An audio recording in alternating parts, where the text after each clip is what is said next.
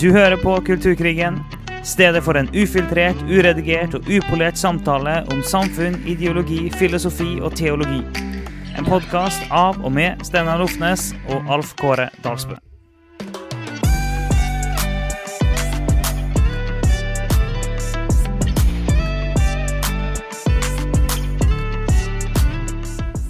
Okidoki, da er vi i gang med en ny episode.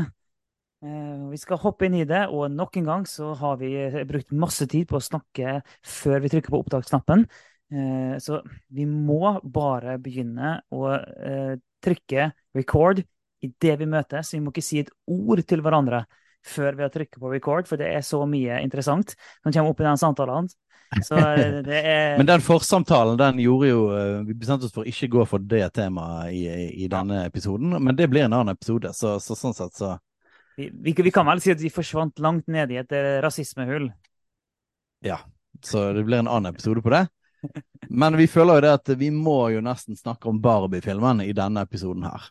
Og jeg har jo nesten, jeg har jo lovet folk at vi skal gjøre det. Ja, du skrev det. Du skrev jo en, en solid eh, Facebook-post. Ja. Jeg tenkte, helt ærlig, jeg hadde, helt, jeg hadde vondt i magen etter å se den filmen. Mm. Jeg kjente på sånn der eh, Jeg klarte nesten ikke å snakke til Katrine eller ungene eller noen ting etterpå. Jeg måtte bare Såpass, ja. sitte med det og skrive. Og det var ikke før jeg hadde fått, fått den ut, jeg kunne liksom eh, prate med dem, så jeg bare måtte Det, det ble helt dårlig av filmen. Faktisk. Og, da, og da er det sånn, eh, sånn at denne filmen her har jo blitt gigantisk nå. Den er jo i alle, i alle kanaler, i alle medier, og det er jo veldig mange som liker den veldig godt. Eh, Det er det jo.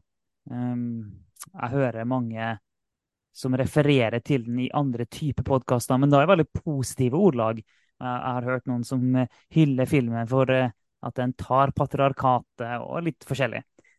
Eh, Jeg har jo ikke rukket å sett den sjøl. Rett og slett ikke kommet så langt, har ikke tid. Så det her blir en episode der du forteller meg hvorfor det her var så fælt. Ja, jeg hadde jo håpet at du klarer å, å få presset inn at uh, du, og kanskje min bror òg, som vi tenker å av og til ha inne på litt sånn medie, sånn film, film og TV-spalte.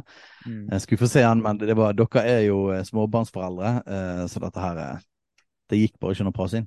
Press inn. Nei, det gikk ikke i timeplanen rett og å få det til. Og vi, vi har heller ikke lyst til å vente med å adressere det.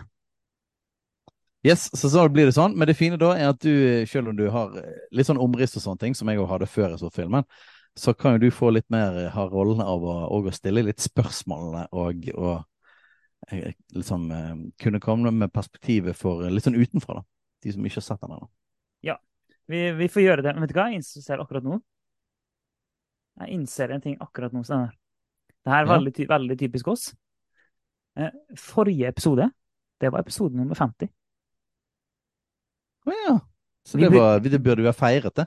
ja, vi bryr oss ikke om sånt i det hele tatt. Men, uh, men det er jo faktisk uh, for, eh, Jeg bare innså det nå. For, det her er episode 51. Så um, forrige episode var episode 50. Vi har faktisk klart å lage 50 episoder.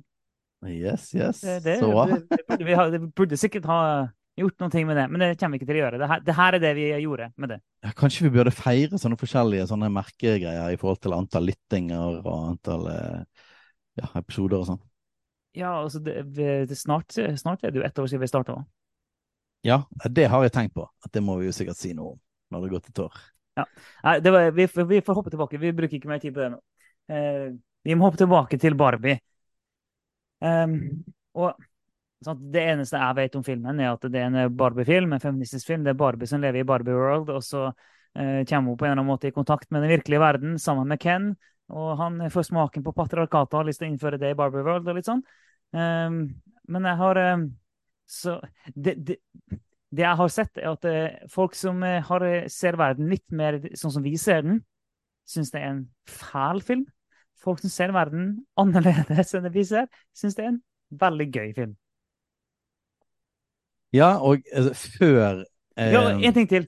Jeg så en ja. sånn eh, Hva skal jeg si? eh, På en reklame for Barbie-filmen så er det et eller annet sånn her It's a Barbie world, eller It's her world, and Ken is just living in it, eller et eller annet sånt her. Det var liksom Ja. eh, var, var på en måte det, det som sto, da. Og jeg har hørt noen si det, at eh, Ken er bare en sånn ynkelig type som bare lever i Barbie sin verden.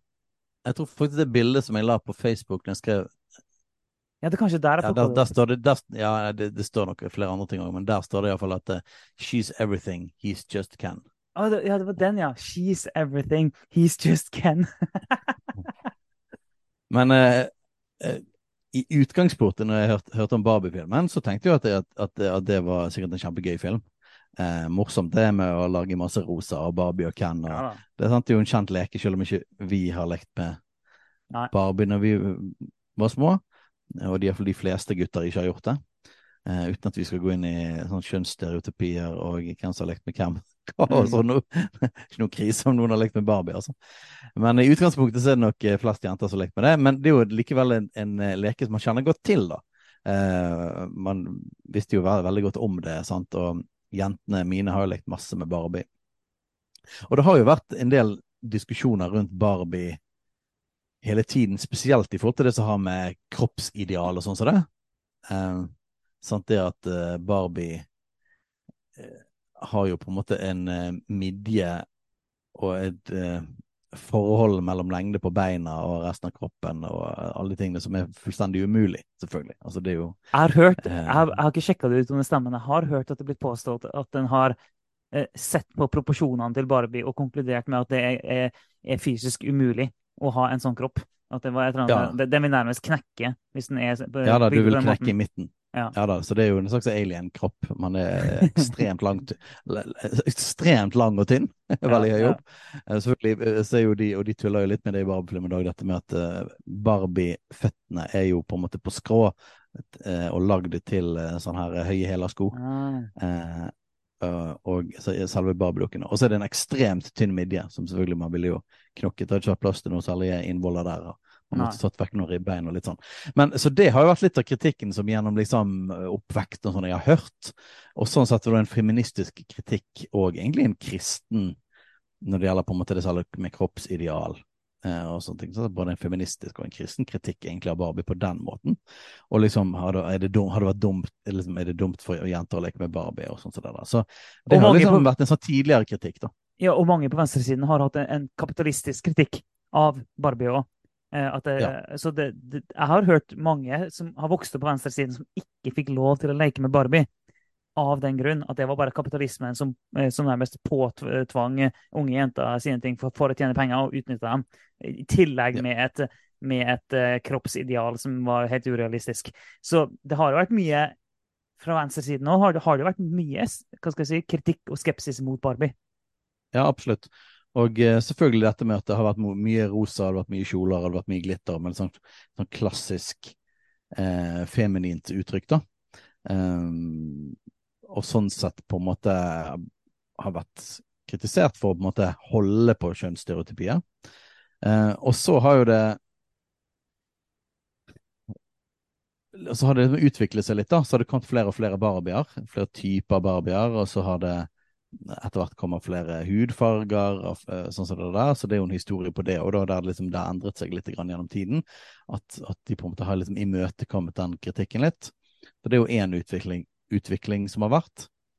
Um, og samtidig har det òg vært en, en, en, en, sånn feministisk støtte til Barbie, eh, mer da fra Hvis man har hørt episodene våre om feminisme, da. En mer liberal feministisk hva skal jeg si, støtte til Barbie, som har handlet om at eh, Barbie hadde alle mulige slags yrker. da. Og de har spilt veldig på det at liksom en Barbie kunne være alt mulig. Barbie pilot og Barbie lege og Barbie alt mulig. da. Så det har på en måte også vært en del av Barbie-konseptet. Så det har vært en litt sånn der, eh, sånn feministisk debatt egentlig gjennom hele Barbies historie. Eh, om dette her, og så har kristne vært innblandet i det. òg. Altså, Så er, dette er Barbie positivt eller ikke? Men liksom på tross av alle disse tingene her, så vil jeg si at Barbie har likevel eh, likevel klart å ha en ganske dominerende posisjon i litt sånne små dukker å leke med hva skal si, markedet. Mm. Så, så de har på en måte liksom vunnet den greien liksom uen, på tross av kritikken. da. Så de aller fleste har lekt med Barbie, og de aller fleste har vært vant med det. Og de fleste har hatt eh, masse Barbier uten at det har vært så mye føss rundt det. Litt sånn som Lego. Eh, Mm. som flest gutter har lekt med. og sånn så det. Så det er litt sånn her, hvis du tar litt sånn bakgrunn for hele Barbie-greien, så det, det betyr jo det at Barbie er ikke bare en leke. Barbie, Barbie er en leke som, som har touchet innom denne, denne problematikken tidligere. da. Um, men når Barbie-filmen likevel ble annonsert, og det var liksom rosa, og, og, så tenkte jeg at dette kom til å bli en morsom film. Eh, en veldig uskyldig, gøy og fargerik film. Det var det jeg tenkte. Eh, så det hadde jeg ikke noe negativt forhold til. Jeg tenkte det er jo morsomt, det. Det er litt sånn som hvis Det, var jo, det kom jo Lego-filmer for noen år siden. Det var jo animasjonsfilmer og sånn. Men det å liksom levendegjøre noe man har lekt med når man var liten, er jo en gøy ting, da. Uh, og hvis man hadde gjort en sånn live action-film av det er litt vanskeligere å gjøre med Lego, eller Playmo. Jeg lekte mye med Playmo. Så det hadde vært litt sånne blåjakker og eh, cowboy og indianere så hadde jo det gøy. Eller i Toy Story så husker jeg de hadde sånne mm, plastikk-lekesoldater. Ja, ja. Det var, eh, var, jo som en del av den. Og de lekte jeg masse med, og det var jo ja. kjempegøy å se de i levende live, liksom, da. Og gjøre mm. oppdrag og sånn som det. Så i, på den måten syns jeg jo egentlig at Barbie bare er gøy. Lage en Barbie-film som liksom sånn Litt nostalgi, og, det, og du lager en film ut av leker og sånn. Så det var mitt utgangspunkt, egentlig. Og så kommer den, har den premiere i, i, USA, og jeg tror at de fleste hadde en sånn forventning. Eh, jeg tror ikke at de eh, Det er i alle fall kritikk En del som har kritisert um, reklamen for Barbie-filmen i forkant, og ikke gi noen hint om at dette her eh, er en feministisk film, eller at det er en dypt politisk film. Um, men at de har gitt egentlig et inntrykk av akkurat det som var min feeling, at dette er en moro morogøy, eh, lett komediefilm. Og derfor var det nok ganske mange som ble overrasket over hvor hardtslående ideologisk denne filmen var. Eh, så vi begynte å høre det på en del, eh, en del eh, referat fra folk som man kunne se, og det begynte å bli litt debatt allerede i begynnelsen. Så da begynte man jo å få et bilde. Eh, og Ben Shapiro sant, i Daily Wire hadde jo en lang rant i forhold til Barbie-filmen. Og den var så kraftig at jeg kunne nesten ikke sånn, hvis, Jeg tror jeg sa noe sånn som at hvis, hvis liksom en tiende av dette er sant, så er det ganske crazy, liksom. Ja, ja. jeg kan ikke skjønne at det var så ille. Jeg har ikke sett en rant, men jeg har sett at han har en rant på YouTube som jeg tror er en time lang. eller noe sånt. Ja, ja. En timelang rant der, der, de går, eh, der han går gjennom den og slakter filmen.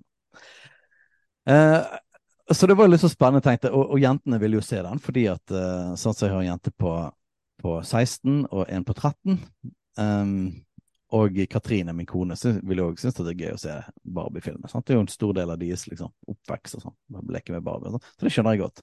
Men da jeg hørte at han var så ideologisk, så, det, så tenkte jeg OK, denne, jeg tror nok jeg må være med og se denne filmen. Og uh, vår liksom, policy på sånne ting er det at det finnes selvfølgelig grenser for hva de får lov til å se. Det, det gjør det absolutt. Det er visse ting som de har hatt lyst til å se, som de ikke får lov til å se i det hele tatt, og syns det er dumt og sånn.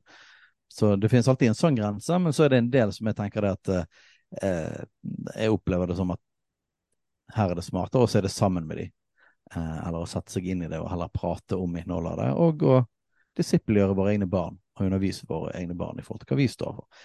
Og nå har jo meg og Katrine vært rundt og undervist ganske mye om mann og kvinne og forskjellen på mann og kvinne og mann og kvinne i ekteskap og eh, i enhet og Guds design for, for familieekteskap av mann og kvinne og sånne ting i sommer. Så klart at det ligger ganske kraftig i oss.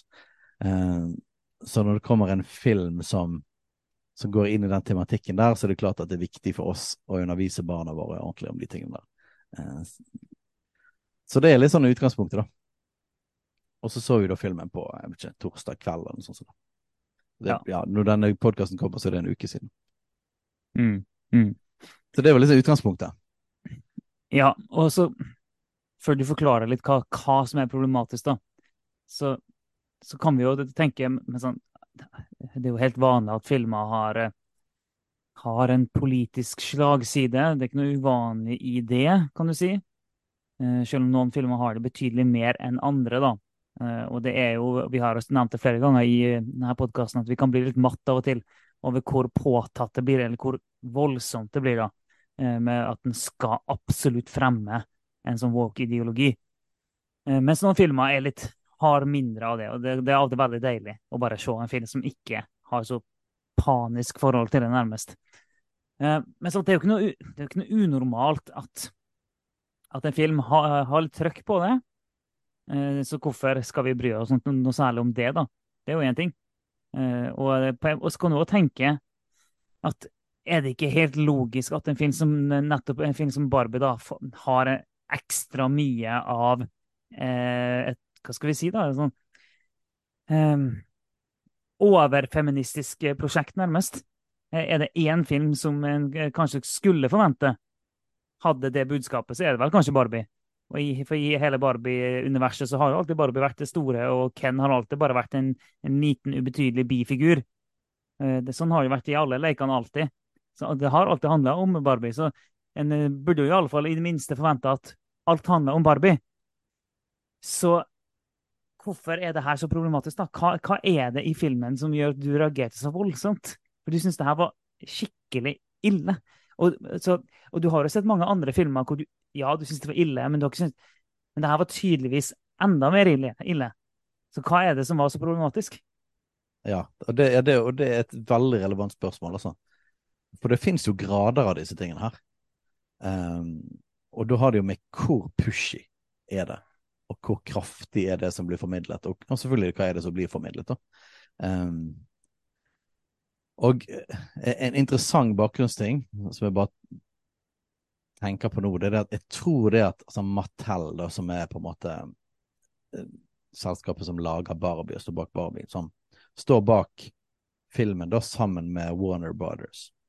Det er klart at det at Barbie er en leke som har vært litt kontroversiell, og vært kritisert fra feministisk hold um, fra å være liksom kvinnefiendtlig, da i forhold til kroppsideal, som har vært kritisert for å på en måte profitere på unge jenter med å lage stereotyper og sånne ting som så det. Uh, så kjenner nok de presset, da, når det først skal lages en Barbie-film, og det er woke-tider, så kjenner nok de presset på liksom hva budskapet er det de lager. Hvis det blir for overfladisk og bare glittermoro, så kan det være at de ikke hadde fått uh, nok støtte på det. Altså. Det kan være det at de hadde vært i hardt vær. Så de kjente nok presset på at de må nok, her, må de på en eller annen måte gå det i møte på en eller annen måte. Um, og det kan nesten se det som en slags sånn her uh, ja, det, er jo et, det er jo et konsept, woke-vasking, nesten, da. Uh, der, der, en del eh, selskaper, spesielt i pride-måneden, går veldig hardt ut på LHBT-spørsmål. Eh, og eh, gjør det tydeligvis for å få lov til å være inne i varmen med dette som er noe ny, nytt og populært. Og så er det jo en sånn stadig diskusjon hvor mye står de for disse tingene egentlig, hvor mye står de ikke for det. Eh, det var en interessant situasjon på, i London Pride der et oljeselskap var hovedsponsor for Pride-toget. Eh, som gjorde det at disse her Stop Oil-klimaaktivister, eh, de, de, her som driver og limer seg fast rundt omkring, blant annet eh, Jeg tror ikke dette var Extinction Rebellion, men jeg tror det var en, en annen også som bruker sånne aksjonsformer da, som handler om oljeproduksjon. De limte seg fast i veien foran, foran en sånn bil som var da sponset av eh, og det var flyselskap på det. Flyselskap på olje og sånne ting. Så ja, okay. ja. Og så blir det en sånn interessant sånn her indre motsetning da, i, i liksom hva gjør du når, når, du skal være woke, og så samtidig så har du andre som er enda mer woke, eller fra en litt annen vinkel woke. Men det var miljøbevegelsen liksom, mot pride, faktisk. Ja, ja. Uh, da, disse miljøbevegelsene hadde jo tatt uh, sånne progressive trans, transflagg på seg, så de identifiserer seg tydelig med at de var ikke imot den saken, men de var imot at disse her kapitalistiske bedriftene snek seg inn og, og, og på en måte latet som at de var en del av bevegelsen, og påpekte deres miljøsynder og sånn. Så det var litt sånn interessante mekanismer der, og jeg føler det at Barbie-filmen det, det, det kommer litt inn i det landskapet der.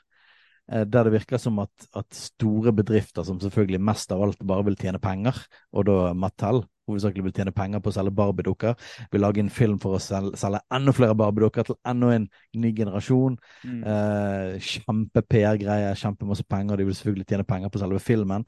Så er det jo på en måte at det er en business-ting som ligger inne her, er jo helt klart en stor del av motivasjonen dette er ikke hovedsakelig aktivister som har lagd filmen, men det er en stor eh, Det er corporate America, liksom. Og samtidig så for at de skal tjene pene penger, så må de òg være på lag med, med, med, dagens på en måte budskap. Og så skjer det en sånn, en sånn underlig mekanisme gjennom hele filmen, der de prøver nok å hvitvaske seg sjøl og fremstå som noe annet. At, at, Barbie har vært noe annet hele tiden, egentlig, men de òg har gjort mange synder. Og så har de en slags selvironi på hvem de er. fordi det var jo noe forferdelig portrettering av sitt eget selskap i den filmen som de var med å lage. de var jo på en måte patriarkatet og de onde på høyt nivå. Og samtidig fant de at ja, men det var det en skaper av Barbie da, som egentlig var liksom der, som var en sånn ordentlig feminist hele tiden. Så, så, det, det, var et sånn, blandet, sånn rart forhold inn der. Det, dette sier jeg bare for å si at det finnes en annen debatt rundt Barbie-filmen, som er at eh, mer radikale feminister kritiserer Barbie-filmen for å være en skikkelig sånn her eh, woke-vasking, da.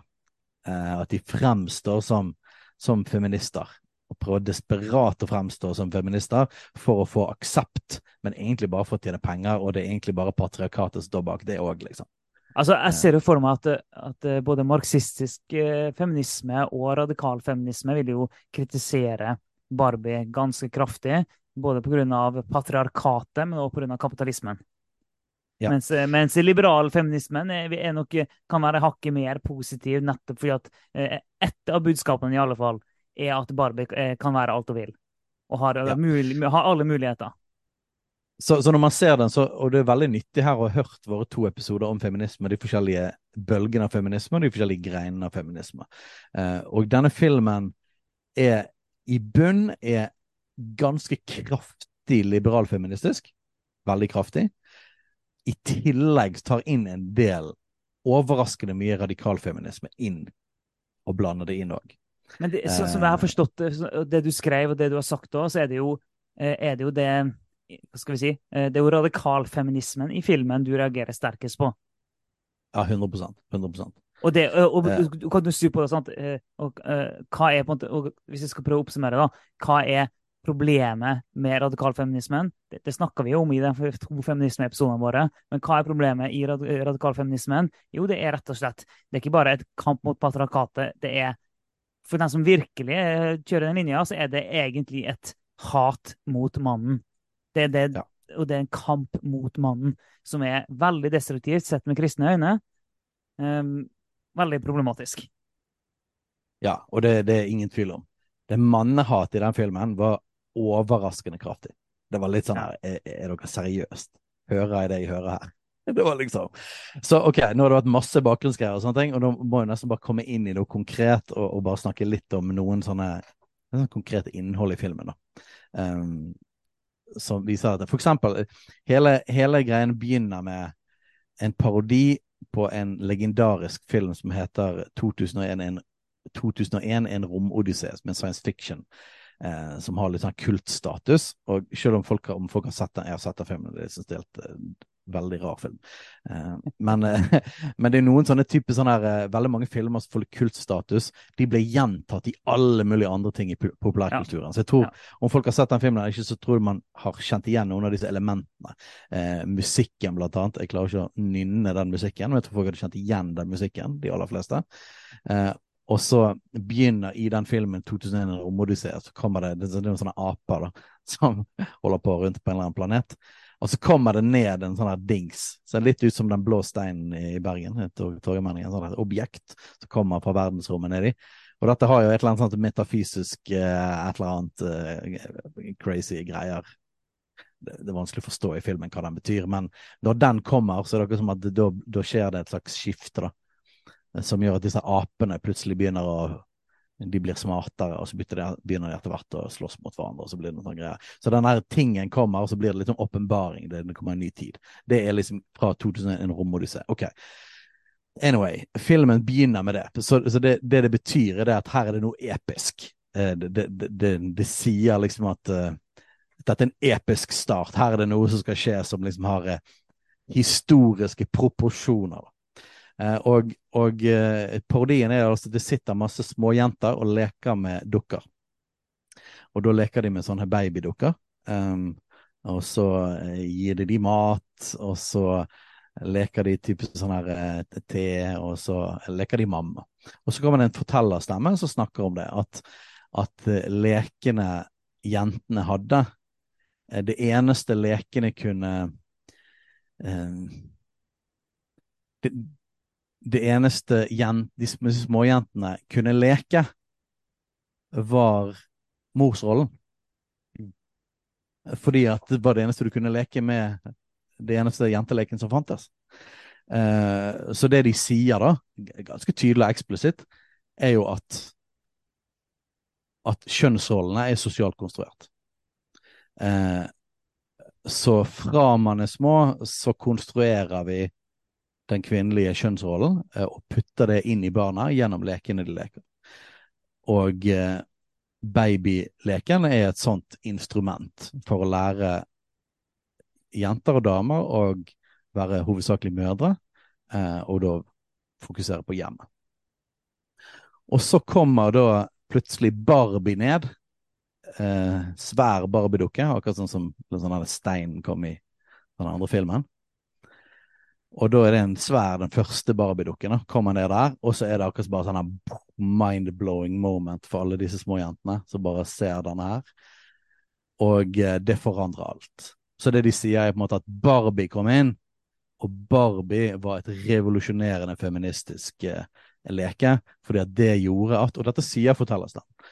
Eh, så hele filmen begynner med dette. Så det er ikke noe tvil om at det er feministisk film, fordi at hele premisset handler om sosial konstruksjon, det handler om kjønnsroller, og det handler om hva lærer vi jenter til å gjøre. Og Barbie kom inn og sprengte rollen av at, at jenter bare kunne være mødre og tenke på hjemmet. Men Barbie var en, det var en kvinne. de kunne være de. Nå er ikke de bare mor, men Barbie er meg. Og Barbie kunne være hva hun ville. Barbie kunne være pilot. Barbie kunne, være, Barbie kunne ha yrker. Eh, så det var bare totalt en sånn eh, revolusjon. Og det som skjer da, det er at alle disse små jentene de tar dukkene sine, så da de ti, gamle sånne babydukker var jo da laget av hodene var laget av porselen. Um, nå blir det jo laget av plastikk. Altså, det var sånn typisk babydukke med akkurat hodet av porselen. Så tar de disse her dukkene når de ser Barbie, og så begynner de å knuse dukkene. og Knuse hodene på dem, og knuse alle, alle, babyene. Så alle babydukkene blir knust, og det bare ja, fyker rundt. Og det er en sånn kraftig sånn herre vi skal ikke være mødre. Vi skal ikke primært liksom uh, ta vare på babyer. Vi skal Nå er det oh. tid for at vi skal ut og Altså, det er Jeg må jo bare smette inn av og til her. Men, eh, for jeg tenkte sånn ok, Men det at du kommer og leker, og, det, og jentene kan få lov til å leke med andre ting òg, er jo helt fint, det. Altså, Absolutt. De, de må, må, jo gjerne få lov til å leke med andre ting òg det, det, vi mener jo ikke det at, at jentene bare skal late som de er mødre. De må gjerne late som at de er astronauter òg. Så, det, yes. det, så det, Vi er jo ikke negative i det hele tatt til at det kommer andre elementer inn som gir jentene mulighet til å leke med andre ting òg. Eh, tenkte jeg da, når du satt og snakka. Men når du beskriver det her, så er det sånn Det er så, det er så sterk symbolikk. Og, eh, og, med tanke på at vi er nå bare rett for et par episoder siden har vi hatt tre episoder om abort. Så blir det der Jeg kjente den der i magen også når du beskrev det.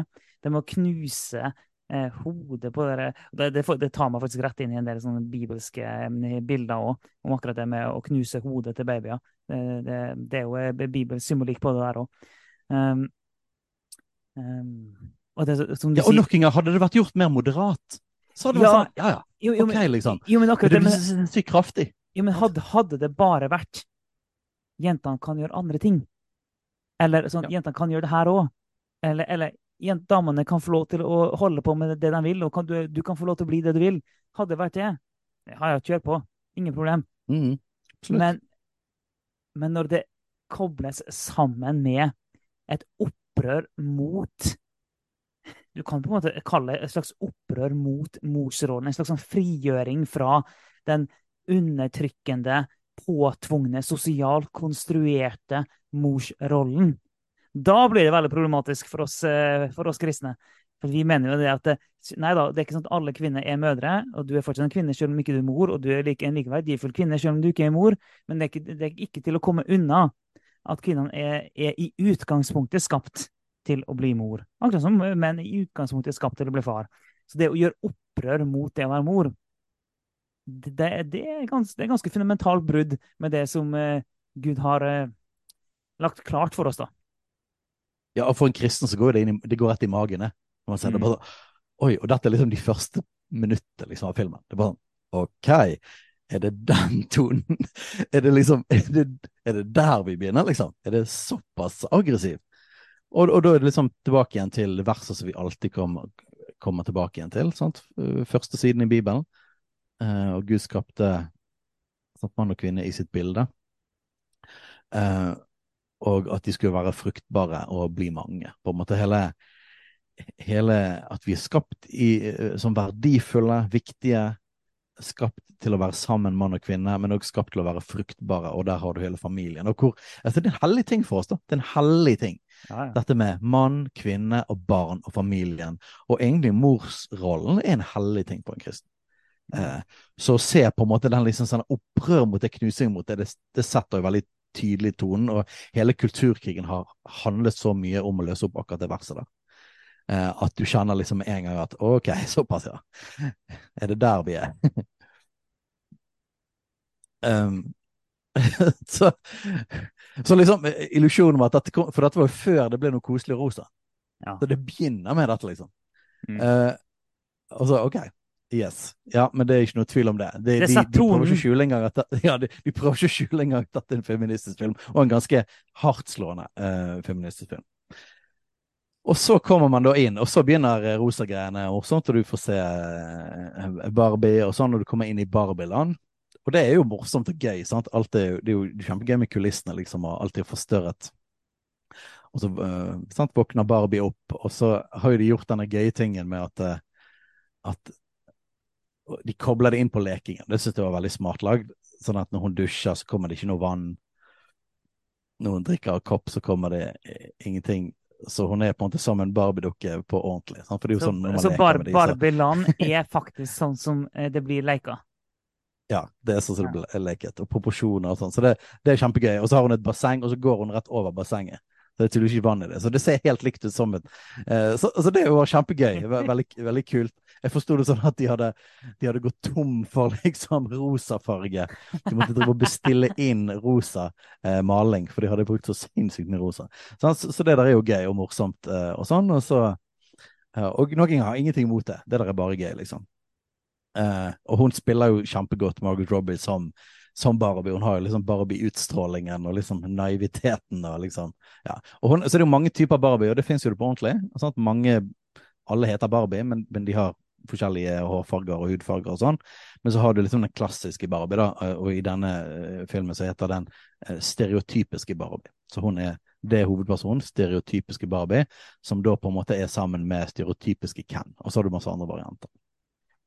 Så hun er i huset sitt der, og så, og så er jo det morsomt. Sant? Så er det 'Hei, Barbie', hei Barbie. Alle heter jo Barbie, så, så hun hilser på alle, og alle heter Barbie, og sånn. Og, og så begynner du å se det sånne glimt. da, så sånn, eh, kjører hun i bilen sin, eh, og så er det veiarbeid. Og så er det bare barbier som uh, Bare damer som er veiarbeiderne. Og så, og så går de liksom gjennom samfunnet, og så er alle det, da. Så er det skilt av Supreme Court, og da er det da er det bare damer, så det er bare Barbie.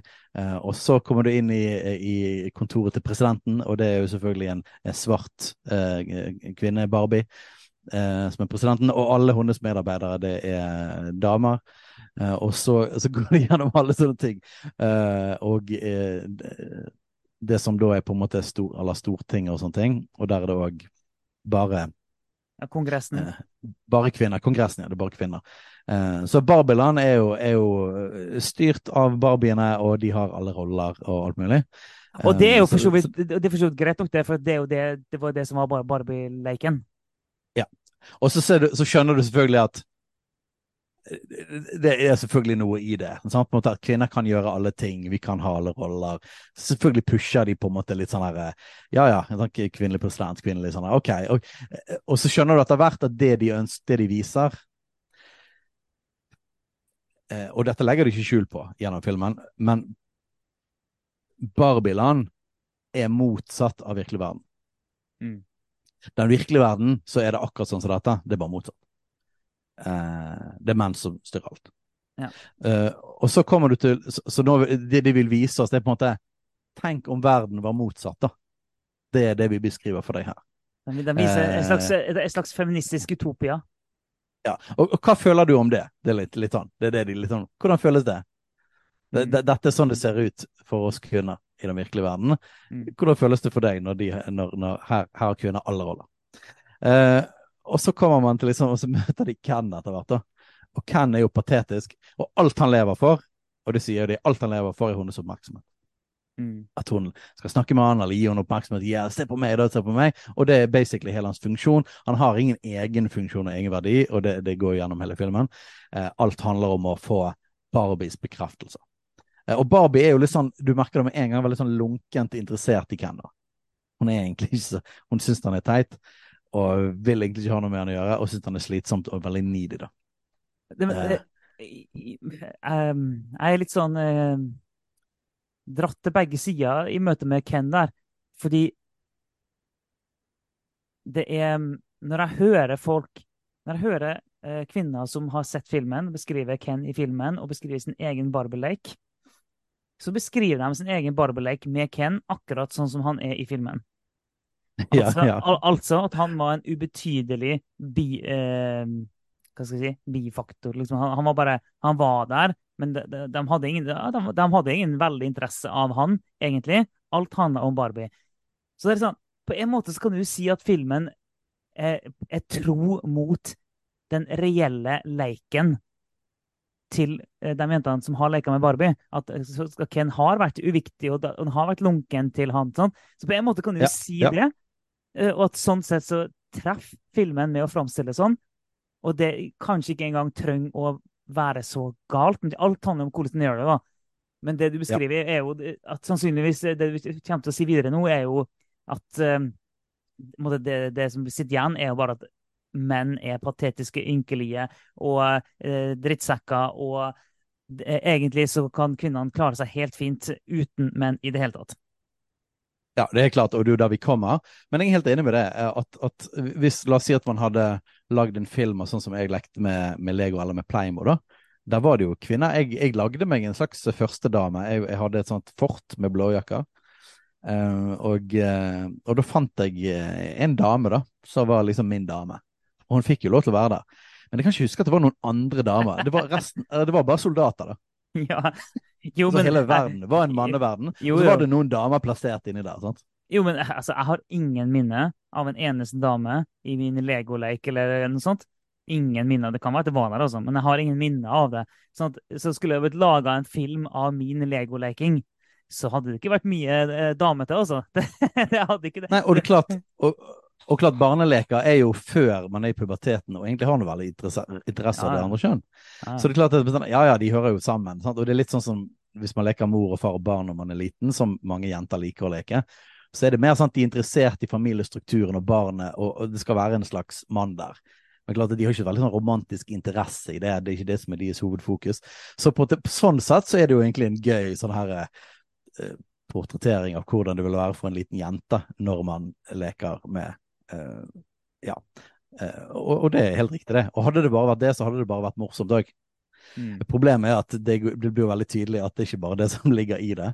Uh, og da blir det, plutselig er det ikke så gøy lenger.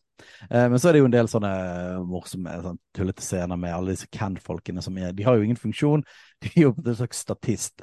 Så han er Ken sin rolle da er å være beach men han, han, kan, han, er ikke, han, er ikke, livredder, for det kan Barbie være. For de har, ingen, Ken har ingen rolle. Så, Nei, så, han er ikke livredda. Han kan ikke det. Ja. for hele konseptet er at Barbie kan være alt. Og, og, ja, hun kan være alt. Så ja. hun har alle roller. Det ja. fins en livredder Barbie, men det fins ikke livredder Ken. Ken er bare Ken. Uh, og, ja, men, men, det, men, det, det som, som, du sa i filmen, så at Barbie is everything. yeah. uh, Ken is just Hva var det da? Ken? Eh, Ken, ja. ja, Ja, ja. Uh, og så har han lyst, prøver han da, og så har han lyst til å imponere selvfølgelig Barbie, for det er alt det han, det han eh, ønsker. Og så vil han prøve seg på å surfe, da. Men problemet er at det er ikke ordentlig vann. Det er at vannet er plastikk, og så er det en plastikkbølge.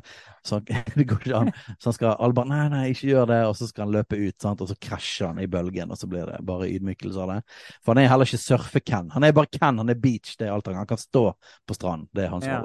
Ja. Um, så, så det er jo en del morsomme ting i det, og så, så det er gøy. Og foreløpig er det gøy. Og så, sant, og så merker du at underliggende, fordi ja, du det, vet det er i jobbes filmen, så, Ja, ja. ja, så ligger det på en måte sånn her OK, kvinner kan være alle ting, du prøver å snu det opp ned. Og så selvfølgelig ligger det en greie da at til til noe som har vært en feministisk kritikk, som òg det finnes ja, Vi kan ikke gå helt, helt ned i rabbit hole, men konseptet av damer som på en måte kun er til for menns bekreftelse. Sant? Mm. At måte, jeg er ikke nok i meg sjøl, men på en måte bare se meg, bekreft meg, la meg få være med deg, la meg få finne en, en rik, betydelig mann med en eller annen posisjon, og så kan jeg på en måte være din, liksom bare være der. Og det er på en måte alt som trengs. Og det er klart det er en kommentar til, til sånn som kvinneroller har vært en del ganger. Eh, og, og, og på en, sånn Her ser du en sånn eh, en, en eh, liberal feministisk på en måte touch, da, i forhold til på en måte individet kvinnen er et individ for seg sjøl lever ikke primært bare for mannen, men eh, har egenverdi i seg sjøl og, og, og skal realisere seg sjøl. Eh, eh, så, så der ligger det en sånn en kritikk imot det, eh, og der man snur det på opp, opp ned, og der Ken har den rollen. Og litt sånn skal få la, la oss få menn få kjenne på hvordan føles det, liksom. Det, eh, kjennes, det kjennes det godt å være meningsløs, og alt, alt du er til for, er bare for bekreftelse av den andre? Akkurat det er jo et kan du egentlig si at Uh, altså, uh, Uten at en trenger å være enig i budskapet nødvendigvis, så er det et smart grep, kan du si. Å prøve å det alt, i, i alle, alltid når en diskuterer ting, så er det jo det å klare å male opp et bilde som folk kjenner seg igjen i, og, som folk, og som folk emosjonelt kan sette seg inn i, og så switche det rundt. Det er jo en veldig effektiv måte å få folk til, til å forstå ting på. Jepp, absolutt. Så, så alle de tingene der er supert. Og, og det er jo derfor vi må liksom dissekere alt dette. Altså for det er forskjellige elementer. Noen er bare gøye, eh, noen er bra lagd. Andre har på en måte OK, det er et fair budskap. Og så er det andre da som på en måte er direkte destruktive. Så, så i begynnelsen så er det litt sånn oppvarming på det. Selvfølgelig så er det jo så er det sånn Pulitzer-pris eh, og eh, vinneren igjen, Barbie! Og så er det, så, det er liksom hele tiden. Og så er det selvfølgelig sånn herre Sånn er virkeligheten. Det er jo det man prøver å si. Menn vinner alt, menn vinner alt, menn vinner alt. Og de alle posisjoner. de alle alt mulig sånn. Og så i det i seg sjøl, så er det sånn OK, jeg, jeg skjønner hva du prøver å gjøre. Og så er det på en måte litt sånn Samtidig litt sånn Men, men det er jo ikke sant. Det, det, det, dette bildet er ikke sant. Det, det er ikke sånn. Det er ikke sånn at menn har alle ting.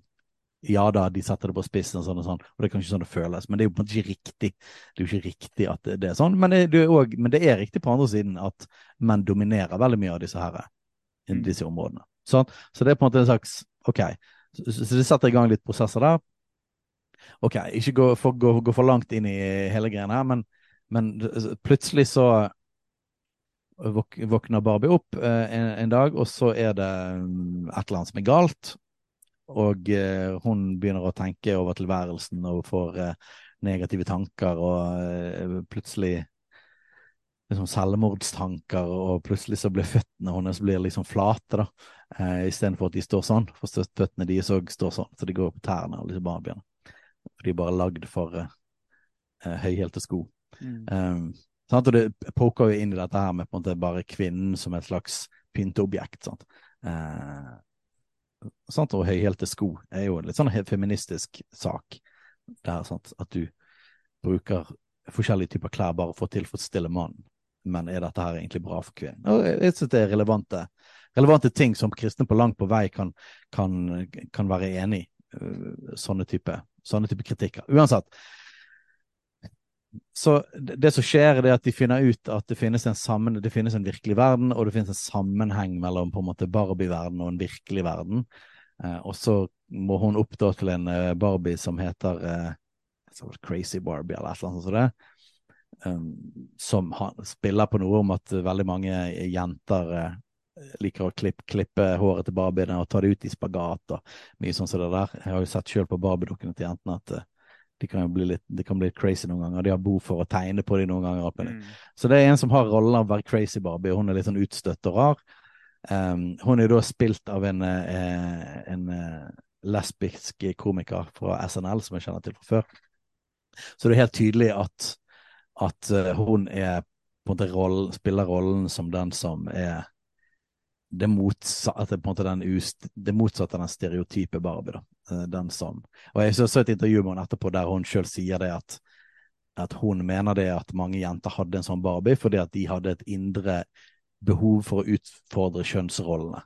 Eh, og at ikke liksom alle kvinner er sånn som det der. og sånn som det der. Så klart hun, hun er jo litt mer aktivistisk type. Anyway, det ender opp med Jeg kan ikke gå for nøyaktig gjennom hele filmen. Vi får gå inn i det som på en måte er hovedgreiene som er problematisk med hele filmen. da.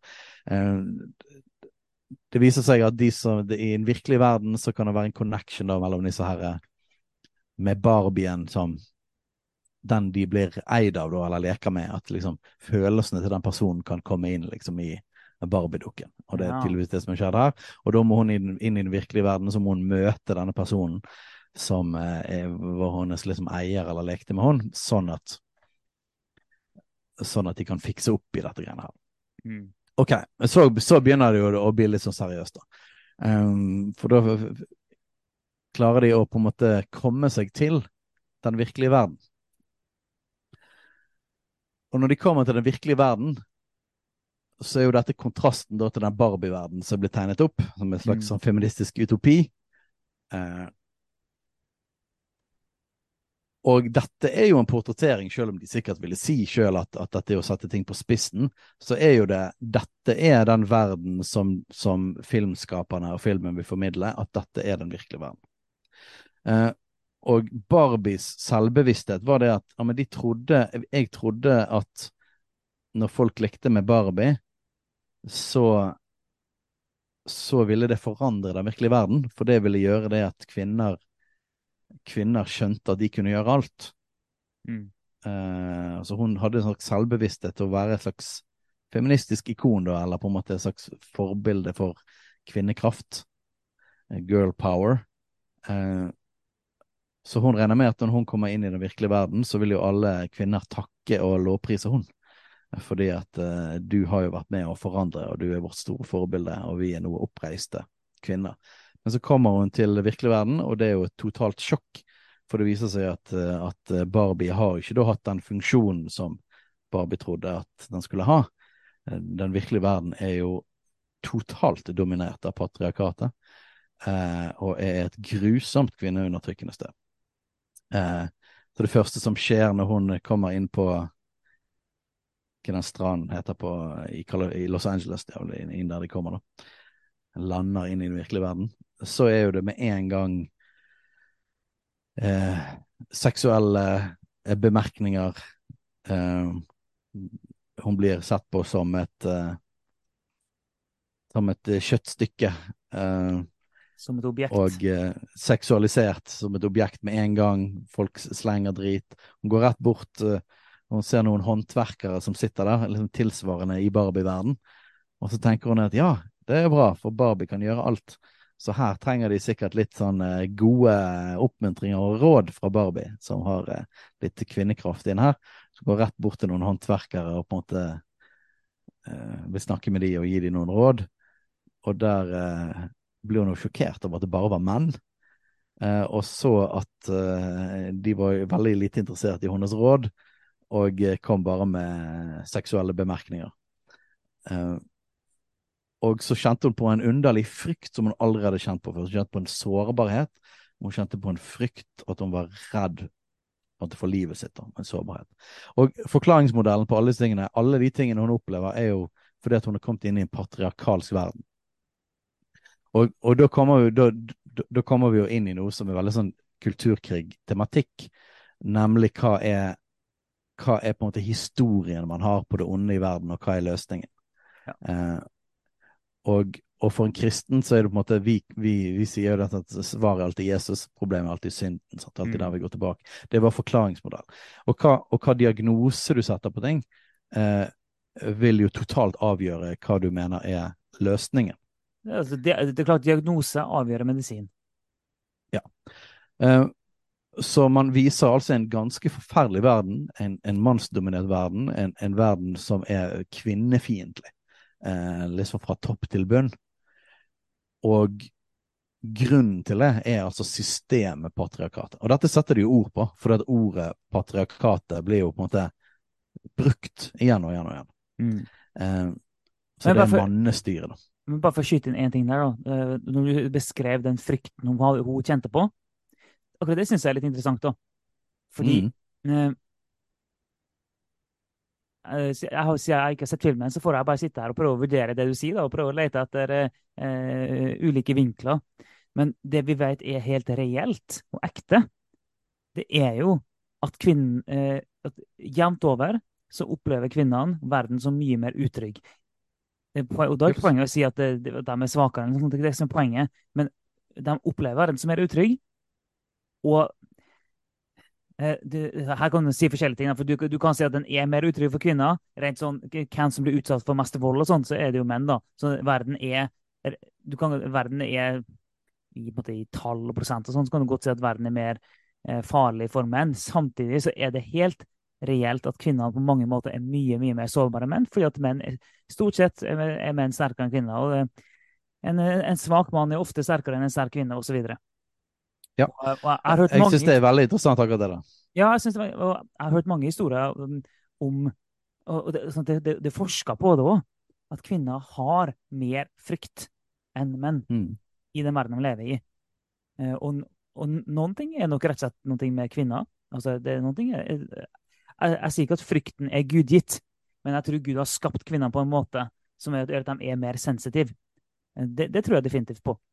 Um, sånn at eh, en kan ha ulike sånn, forklaringsmodeller her eh, for, for, den frykten, men jeg syns det er interessant likevel at de har fått inn det elementet. Uh, den frykten 100%, 100%. Jeg, jeg syns det var veldig interessant. Jeg synes det var veldig sånn Når hun kom fra Barbie-verdenen, så var det på en måte supertrygt. Mm. Alt var eh, supertrygt, og du var bare løftet opp. Og, og, det var liksom ingen Det er klart Du fikk jo en dårlig følelse etter hvert av på en måte Kens rolle i dette. Det var liksom ikke, det var ikke så behagelig. Og hun ble jo på en måte ja, En ting jeg glemte, det var en sånn interessant, for han hadde jo lyst til å være med henne hele tiden. Så han spurte kan jeg være med deg i kveld. Og sånn, ja, eh, altså Du kan jo for så vidt det, men det er jo liksom Hun hadde masse planer, blant annet, så det er girl night. Og for, forresten så er det egentlig girls night every night. Så det er egentlig Det er aldri Det er aldri plass til deg. Eh, altså, det, så, så da, da, står jeg bare der ute, da. Uten mening i livet og uten Da får ikke være med på noe. ting. Så, så klart så, så, for den er jo litt sånn her OK, det er da ikke en god følelse. Det, det, dette er ikke en bra verden for, for Ken. Det er det ikke. Ja. Men for hun så kan du kjenne at hun er 100 trygg der. Så når hun kommer inn i den virkelige verden, så kjenner hun på den sårbarheten og den frykten, usikkerheten. Mm. Uh, og, og jeg syns det var veldig interessant, for jeg syns, uh, i likhet med at stilig at du plukket det opp, for at jeg syns at det trykker på noe reelt i forhold til kvinners situasjon. Mm. Og da Det som er det, er, er, er det Utfordringen er når du, når du, på en veldig god måte setter fingeren på veldig reelle ting som folk kan kjenne seg igjen i, ja. og så gir du dem en forklaringsmodell. Problemet er at jeg mener at det er en giftig forklaringsmodell. Uh, og, ja. og det er jo derfor du har reagert så kraftig. Det er jo nettopp derfor du har reagert så kraftig, for du mener at det er giftig og destruktivt, forklaringsmodellen som blir gitt. Og du er ja. enig i at her er det et problem, men du er uenig i problembeskrivelsen. Ja, og det er egentlig ja, det er egentlig hele greien. sant? Fordi at eh, kvinners psykologi og, og biologi, altså det fysiske, gjør at kvinner er mer sårbare.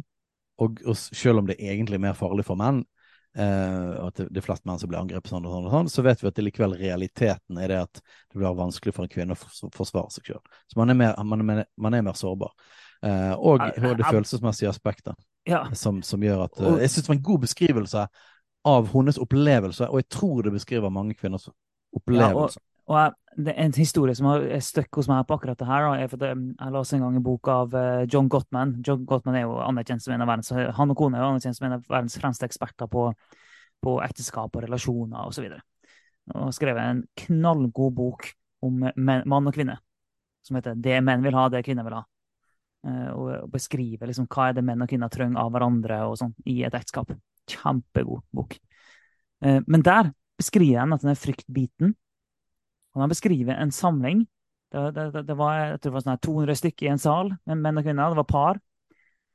Så det, og så Jeg husker ikke om det var dem eller noen andre, men iallfall den som leda, da, spurte ut um, som spurte mennene som, ja, er det noen av dere som har eh, vært redd for livet deres.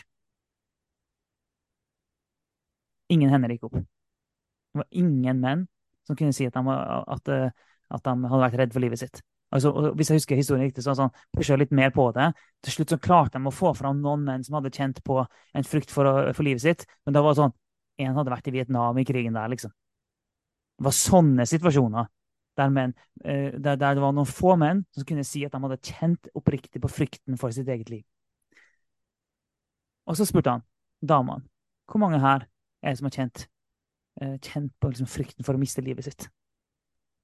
Nesten alle damene rakk opp hånda. Og, og, og, historien som beskriver den voldsomme kontrasten, beskriver også for menn, mange av mennene der, altså, som var sånn øyeåpner for mange av mennene. At bare sånn Wow, kjenner du på det her? En mann hadde beskrevet liksom at um, Han hadde snakka med kona si, og bare fra parkeringsplassen og, og bort til der arrangementet skulle være, så hadde kona kjent på frykten og begynt å sette for seg mm. ting som kunne skje. Ja.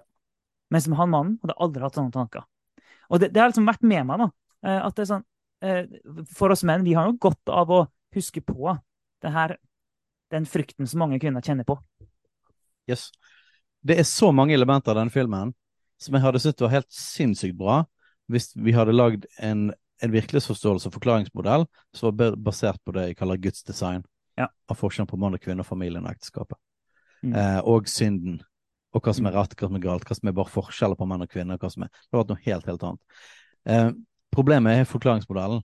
For utryggheten blir nå lagt på at man er i en mannsdominert verden.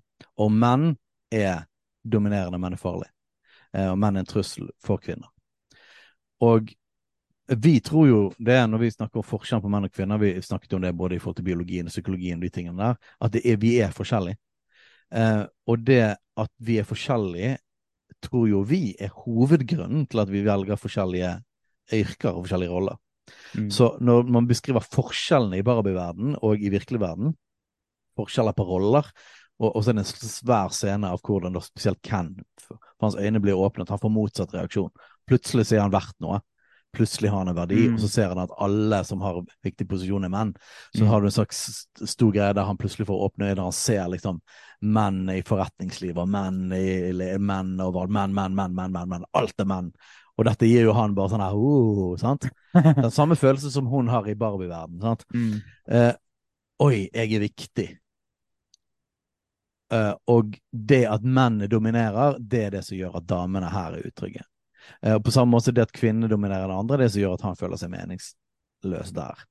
Mm. Problemet er at gjennom hele filmen så, så, og det, det er helt tragisk. For det er bare sånn, å, dere kunne, Hvis dere ville, så kunne dere avsluttet filmen med at samarbeid, Ja. partnerskap, Mm. likeverd Ja. Vet du hva, hva med at ikke hvem er, er, er, er ingenting? Og hva med at ikke kvinner er ingenting? Hva med at begge er viktige? da? Hva med Mm. at begge får lov til å være? Hva med og, og det er bare sånn halvveis bitte liten sånn Ja, men du må bare finne ut hvem du er. Bare sånn eh, skikkelig miniatyrgreie som gir noe som er en slags håp for hvem. Mens hele svargreiene i, i filmen handler om å snu ting opp ned. Altså revolusjon. Mm. Svaret er dominans. Alt handler om dominans. Det, det er undertrykt, og det er undertrykker. Mm. Og det er de to eneste alternativene du har. Enten så er det kvinner som dominerer, à la Barbie-verden, eller så er det menn som dominerer. Og da blir det enten at mannen er patetisk og meningsløs, eller at kvinnen er eh, si, bare et offer, eller bare til for mannen. Eh, Så det er kun de to tingene som blir beskrevet. Så hele narrativet er undertrykt undertrykker, jf. marxisme, postmodernisme. Og det er bare så trist, for det er bare sånn Men dere trenger jo ikke å gi det narrativet. Mm. For jeg tror jo ikke at det er sant. Vi Mm. tror jo ikke at det er verken løsningen eller at det er virkeligheten. Så, så den virkelige verden er totalt mannsdominert, og da kan Ken bli glad. Så det er liksom sånn der, så det er enten så det Ken må bli glad fordi at han er dominans og skal være alt, eller så det Barbie skal være glad fordi at hun har dominans og skal være alt. Men så på sånn der, men, men hva med at grunnen til at hun kjenner utrygghet, er det at kvinner og menn er forskjellige? Hun kjenner sårbarhet. Hva med at svaret på kvinners utrygghet kan ligge f.eks. i at Gud har designet mann og kvinne til at mannen skal få lov til å være en beskytter, og kvinnen skal få lov til å være sårbar, for dette har en funksjon.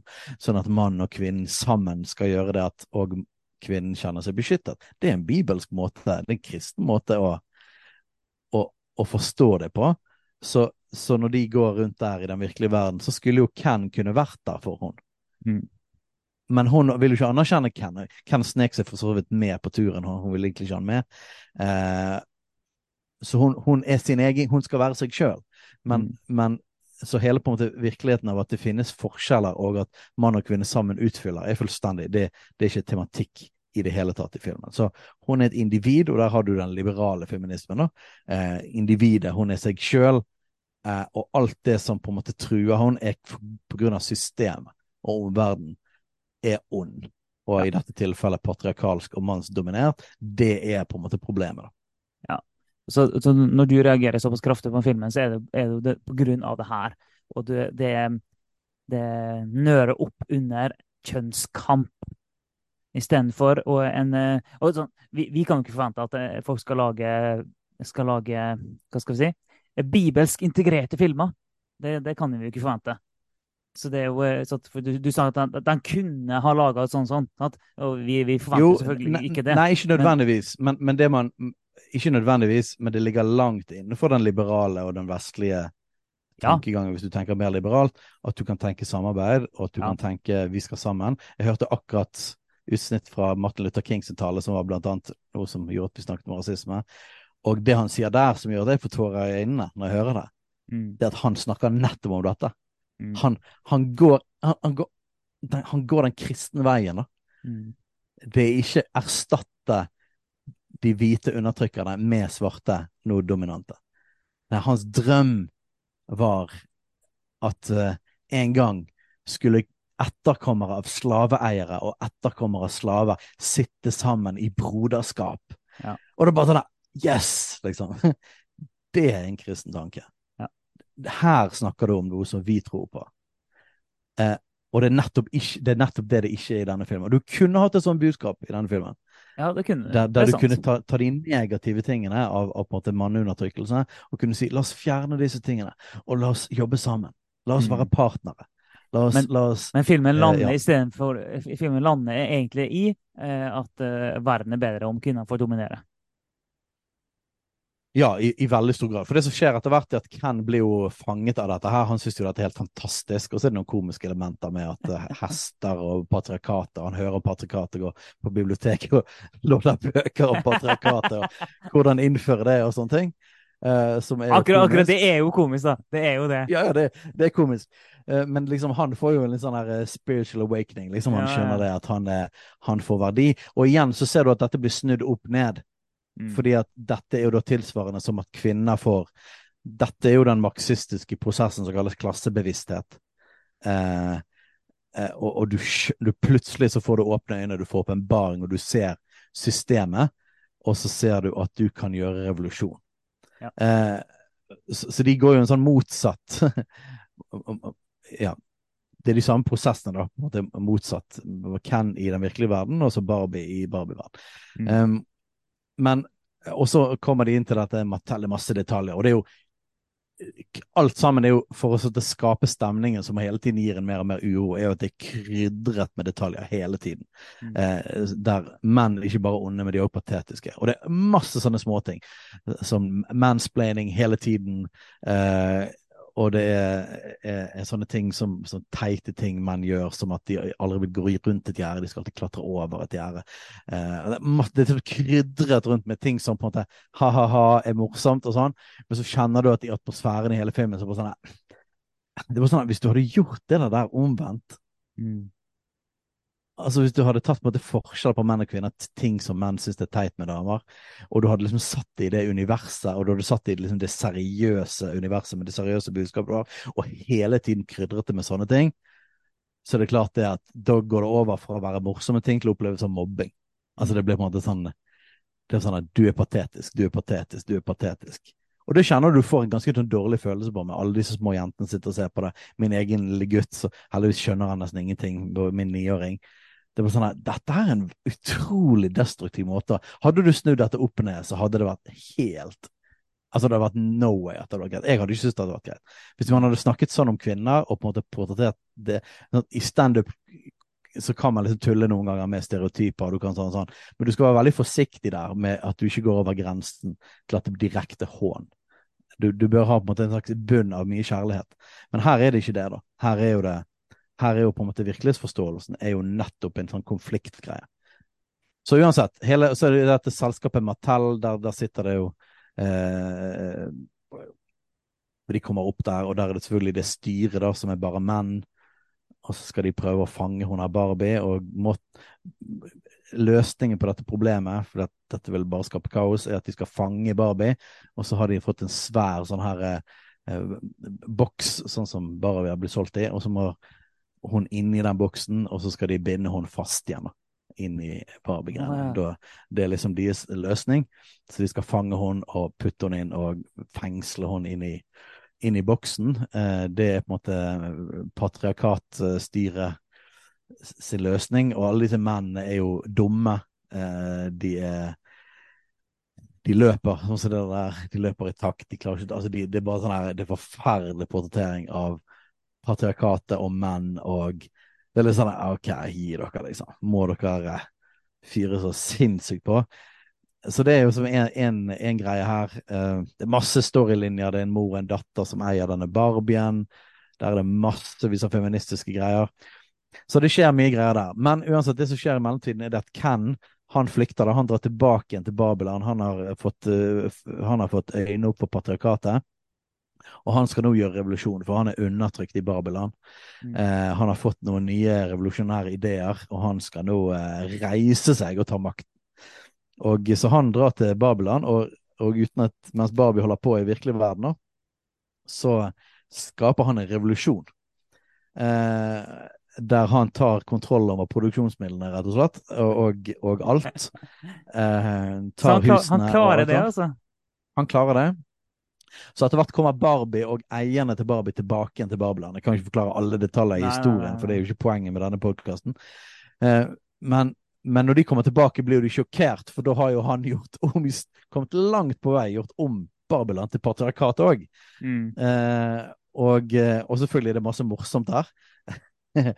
og da er det plutselig eh, Boys Night every night. Eh, og alle, dam, alle barbiene er jo blitt forhekset. Sånn at plutselig er de blitt forblindet. Så, så presidenten er plutselig der og liksom eh, blitt tjeneren til Ken, liksom. Og, og eh, og uh, de er plutselig blitt dumme, da. De, de, ja. de, plutselig så ikke de, For det er masse sånne greier før i Babylon der de sier masse sånne avanserte intellektuelle ting, og så snakker de om hvordan kvinner eh, fullt kan være både mer følsomme og fullt kapable intellektuelt, og på den måten har de en superkraft. At de er både følsomme og overlegne intellektuelt. Og sånn. Og så plutselig nå er de blitt dumme, da. Eh, og nå er liksom alt handler bare om Ken og tjene Ken, og Ken, alle Ken har tatt over husene til barbiene. Og så har de tatt over alle yrkesområdene, og så har de tatt over eh, Nå vinner de plutselig Pulitzer-prisene, og så, og så skal de ha en avstemning da, der de skal forandre grunnloven i Babylon, og, og, og liksom offisielt gjøre Babylon til et patriarkat. Eh, og midt inni dette så kommer, eh, kommer Barbie og, og, de, og så er det jo total krise og sånn. Og det handler veldig mye om klassebevissthet. og Det er veldig sånn marxistisk på den måten. Eh, liksom Å forstå og det å være forblindet av systemet, og det å være våken og skjønne det. Og det gjør at du har det revolusjonære potensialet. Eh, og, og, så kommer det et sånt skifte der de For de prøver liksom å vekke opp Barbien igjen. Um, og, og, og da kom det liksom gjennom å liksom sette ord på hvor vanskelig det er å være kvinne og bare være liksom rå og ærlig og sånn og sånn, og så plutselig så våkner de opp, da. Så det, det er liksom litt sånn skifte i filmen. Og da er planen at de skal nå vekke barbiene eh, til å gjøre motrevolusjon. Og så må de spille, men så skal de late fortsatt som de er dumme. eh, og undertrykte. Og så skal de nå spille på alle Kens greier, da. Hans, hvordan Ken er. For hvordan Ken er, og hvordan mannen er, Mm. det er jo nemlig at han er et stort ego. Og det er hovedgreien.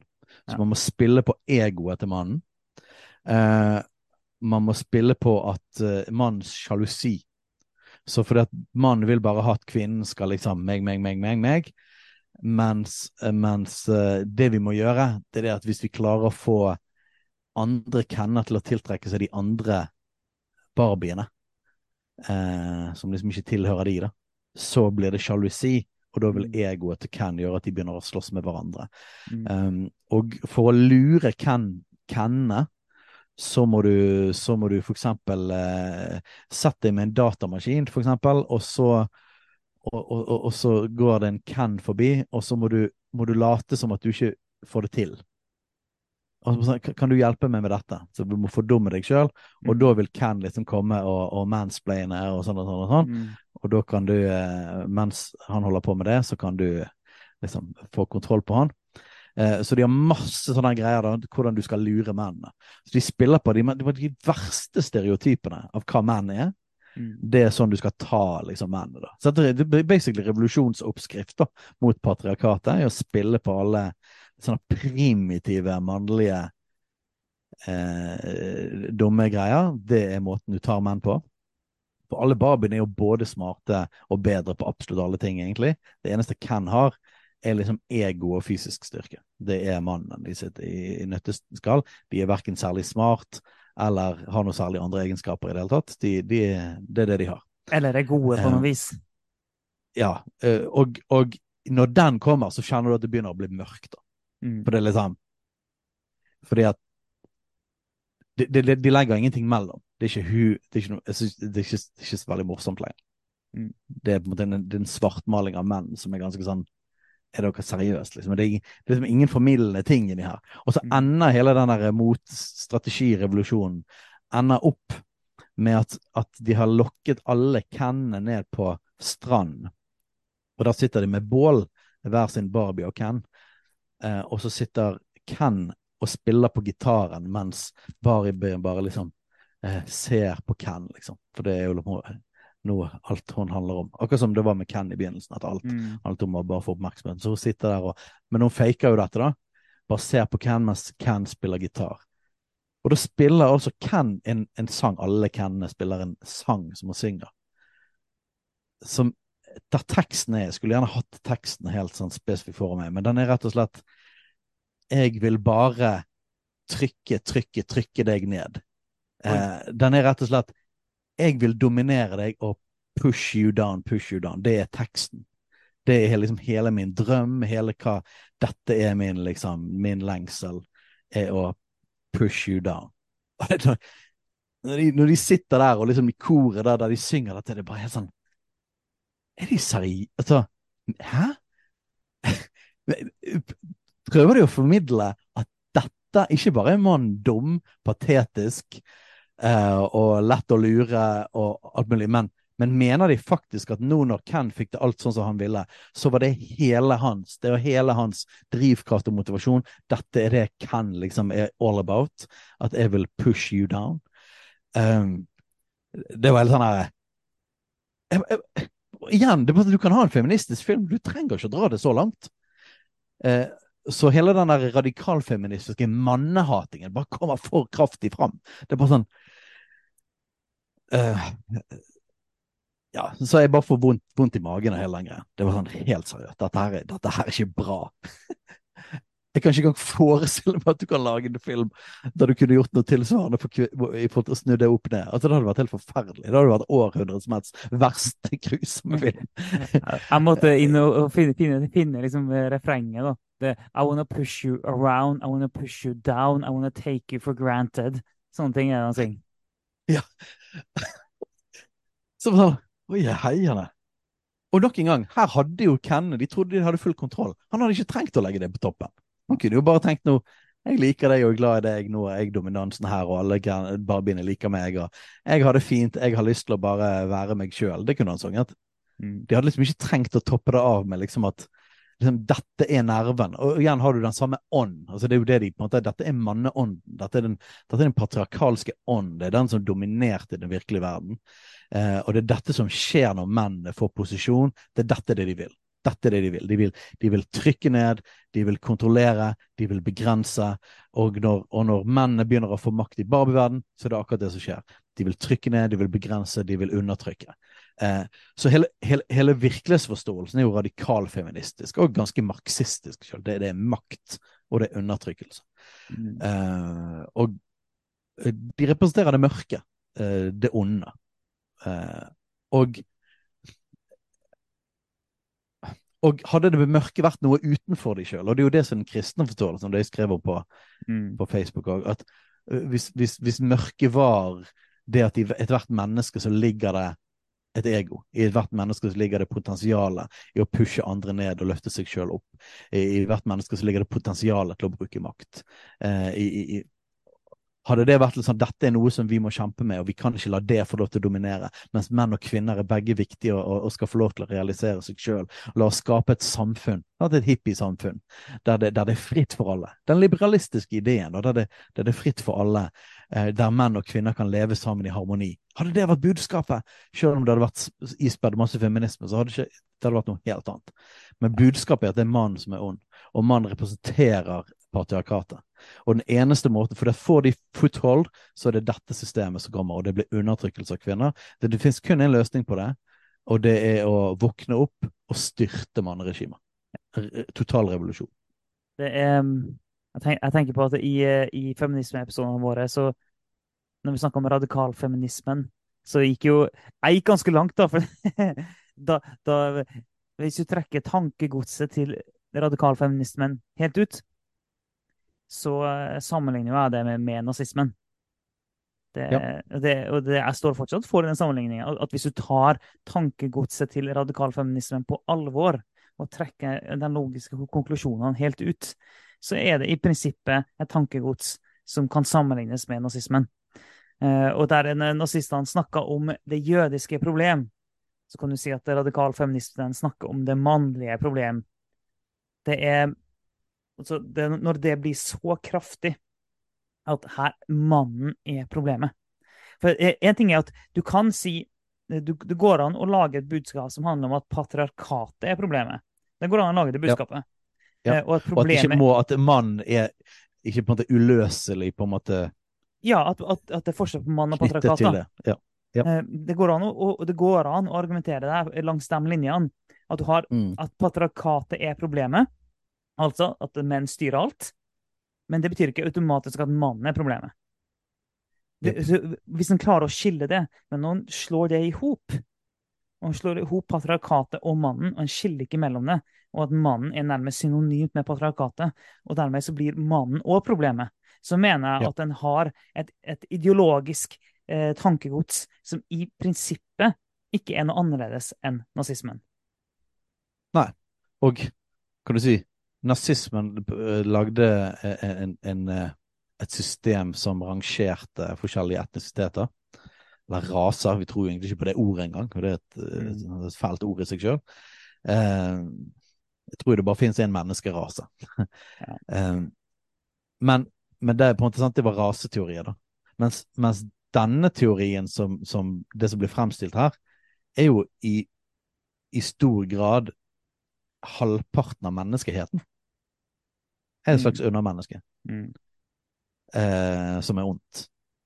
Eh, det er en ganske drøy teori. Mm. Eh, og hvis man tenker at dette på noen som helst måte skulle ja, det vi bare skriver med litt store bokstaver bare for å vekke litt opp og sånne ting. Så sånn her, her lefler dere med farlige tanker. Dette er en farlig ja. måte å dette, dette, dette, er å skape fiendebilder som er ja, på en måte Ja, det er akkurat det. det, er akkurat det. Eh, dette er ikke greit. Det krysser en grense. Ja, og, og, liksom fra hele fra starten av så var det bare sånn OK, well, ok, dette er ikke bra, dette er ikke bra, dette er ikke bra. Og så sitter de på stranda og så synger de den tanken på vet du hva, dere krysser en grense her. Dette er ikke greit. Dette er faktisk helt ugreit. Jeg ser ingen som helst måte at dette kunne vært gjort omvendt. Jeg hadde, jeg hadde protestert mot det like mye. Det er bare at Du kan ikke lage en film som snakker sånn om kvinner. No way. Det er langt fra det kristne. Jeg hadde, jeg hadde helt totalt forkastet en sånn film hvis den var helt motsatt. Og vi vet jo det at, at filmer former verdensbildet, det former virkelighetsforståelsen. Det gjør jo det. Så, og for alle den som ser Barbie uten å tenke seg om, så vil de jo spise av det her koldtbordet av giftig ideologi, uten at de er klar over det. Det er derfor vi helt til snakker om at jeg må være klar over det her. Jeg må avsløre det. Jeg må tenke bibelsk, jeg må se med bibelske briller. Og vi snakker om at det, handler alltid om premissene som ligger under. For det, når du har beskrevet filmen, så er det flere ting, synes, flere ting som jeg syns har vært oppriktig morsomt. Det er flere ting mm. som jeg syns har vært veldig smarte grep. Mm. Eh, så egentlig sånn, En del ting var sånn Wow, det, det var smart gjort, egentlig. Og, og, uavhengig om en er enig i budskapet, så syns jeg det, flere, flere, flere, av tingene du har sagt, har vært veldig smart gjort. Rent sånn kommunikasjonsmessig. Ja, ja, ja, og filmatisk og sånn. Eh, så Men eh, når tankegodset base, og, og, det som ligger under, er mannen er problemet, og, lø, og dermed er løsningen at mannen må, må undertrykkes, altså, det er giftig. Ja, ja, det er det. Og, og, det som skjer etter hvert, så setter kvinnene i gang planen sin her på stranden, og så begynner den, så går det én dame bort til en av de andre kennene, da. Og da plutselig så blir det sjalusi, og da blir det full, full krig etter hvert. Så da slåss alle kennene mot hverandre for å spille på egoet deres. Det er sånn de er, ute mennene. Og imens de slåss, så kan kvinnene løpe til parlamentet og eh, få sikret at denne her eh, avstemningen om ny grunnlov ikke går igjennom. Så man beholder grunnloven, og alt går tilbake til, til vanlig. At, eh, at kvinnene har alle rollene igjen, og Ken mm. blir kicket ut. Og det er jo nok en gang løsningen her. Var ikke sammen! Men, det var ikke en ny grunnlov med likeverd. Men blir Ken, Ken blir kicka ut av Babylon? Kikket ut av husene, for de har jo på en måte okkupert uh, ja, ja. De, blir, kikket ut av Barbie-land, men de blir kikket ut av posisjonene. De blir kikket ja, ut av alle posisjonene igjen. uh, man gjentar kontrollen over produksjonsmidlene og alle institusjonene. Sant? Akkurat som når du skal gjøre en revolusjon, må du ta alle institusjonene. De tar alle institusjonene tilbake igjen. Mm. De kicker Kenne ut av absolutt alt sammen, inklusiv husene. Uh, og kicker Ken tilbake igjen til eh, sin opprinnelige tilstand og å være en, en, eh, en, en undermenneske, da. Altså et, en, borger uten de samme rettighetene som kvinner.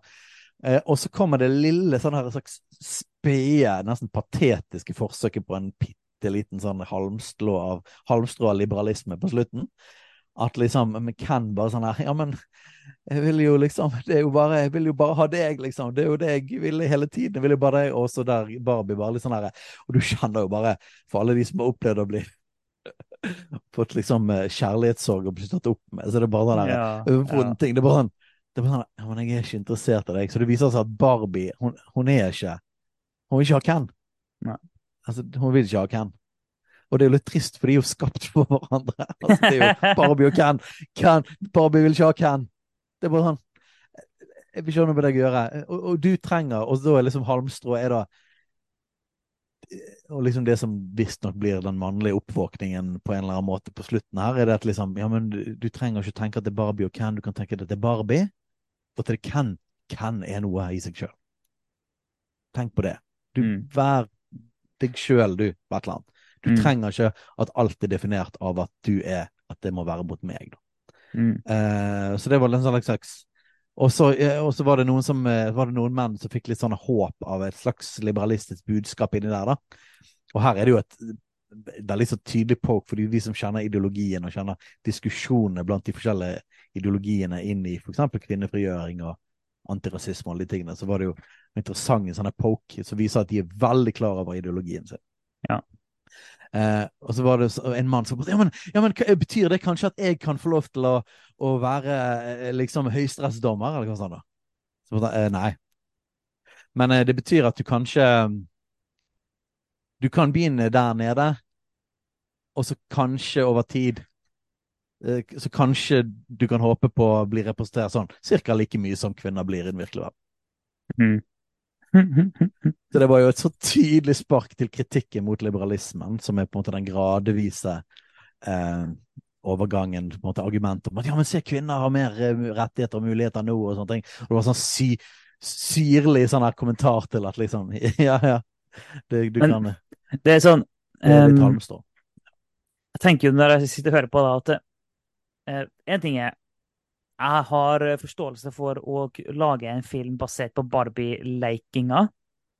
Sånn at filmen ligner på måten jentene leker Barbie på. Jeg, er med på den. En kan lage veldig mye morsomt ut av det. Og i det universet så er Ken ganske ubetydelig. Eh, så jeg, er med på det. Du, kan lage mye gøy ut av det. Eh, jeg er òg med på at, hvis du eh, ser verden gjennom feministiske briller, så så kan, på en måte, skaper du et feministisk utopia for å, å prøve å få Der menn er ubetydelige, for å prøve å skape en kontrast. Sånn at det, det, det, opp, sånn det kan bli nesten litt sånn vulgært for menn å se på.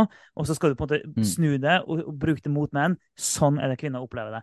Ok, Jeg, jeg er med på at jeg har for så vidt det er greit å lage en sånn type film, hvis det er det du mener, hvis, hvis du faktisk mener at verden er sånn. Så det, er for så vidt, det, det, er jo det er på en måte fair nok, det. da.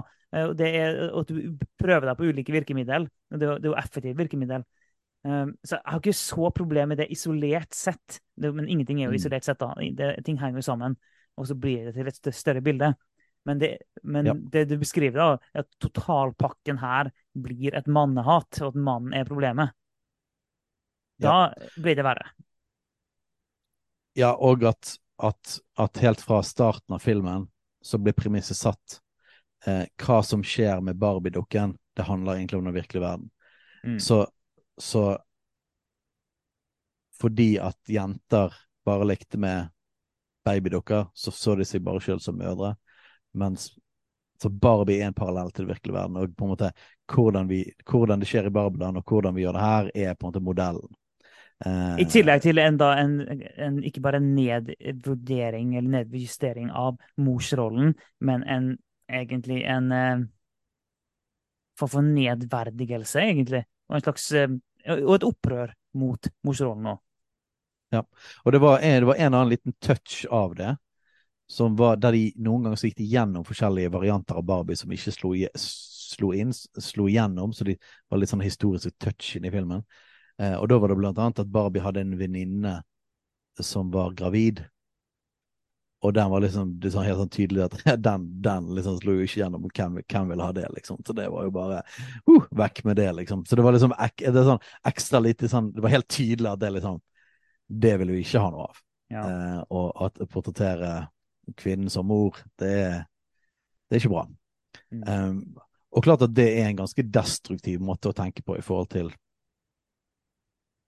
i forhold til Bibelens kvinnerolle, i forhold til det vi tror ligger i biologien og psykologien vår, så, så er det på en måte en anti-kvinne. Jeg tror at veldig mye av feminismen er basert på den lille prosenten av kvinner som er skrudd sammen personlighetsmessig annerledes enn en flertallet. Mm. Og de mener det at alle de andre er bare forblindet av en ideologi. De er forblindet av et patriarkalt system. Jeg tror mm. at det er de som skiller seg ut i forhold til hvordan kvinner psykologisk og biologisk er skrudd sammen, de aller fleste. På samme måte finnes de variasjoner i menn, eh, menn og kvinner. Men det er jo det er som at et mindretall som prøver å skape Det som er annerledes, er da må være et, et undertrykkende system.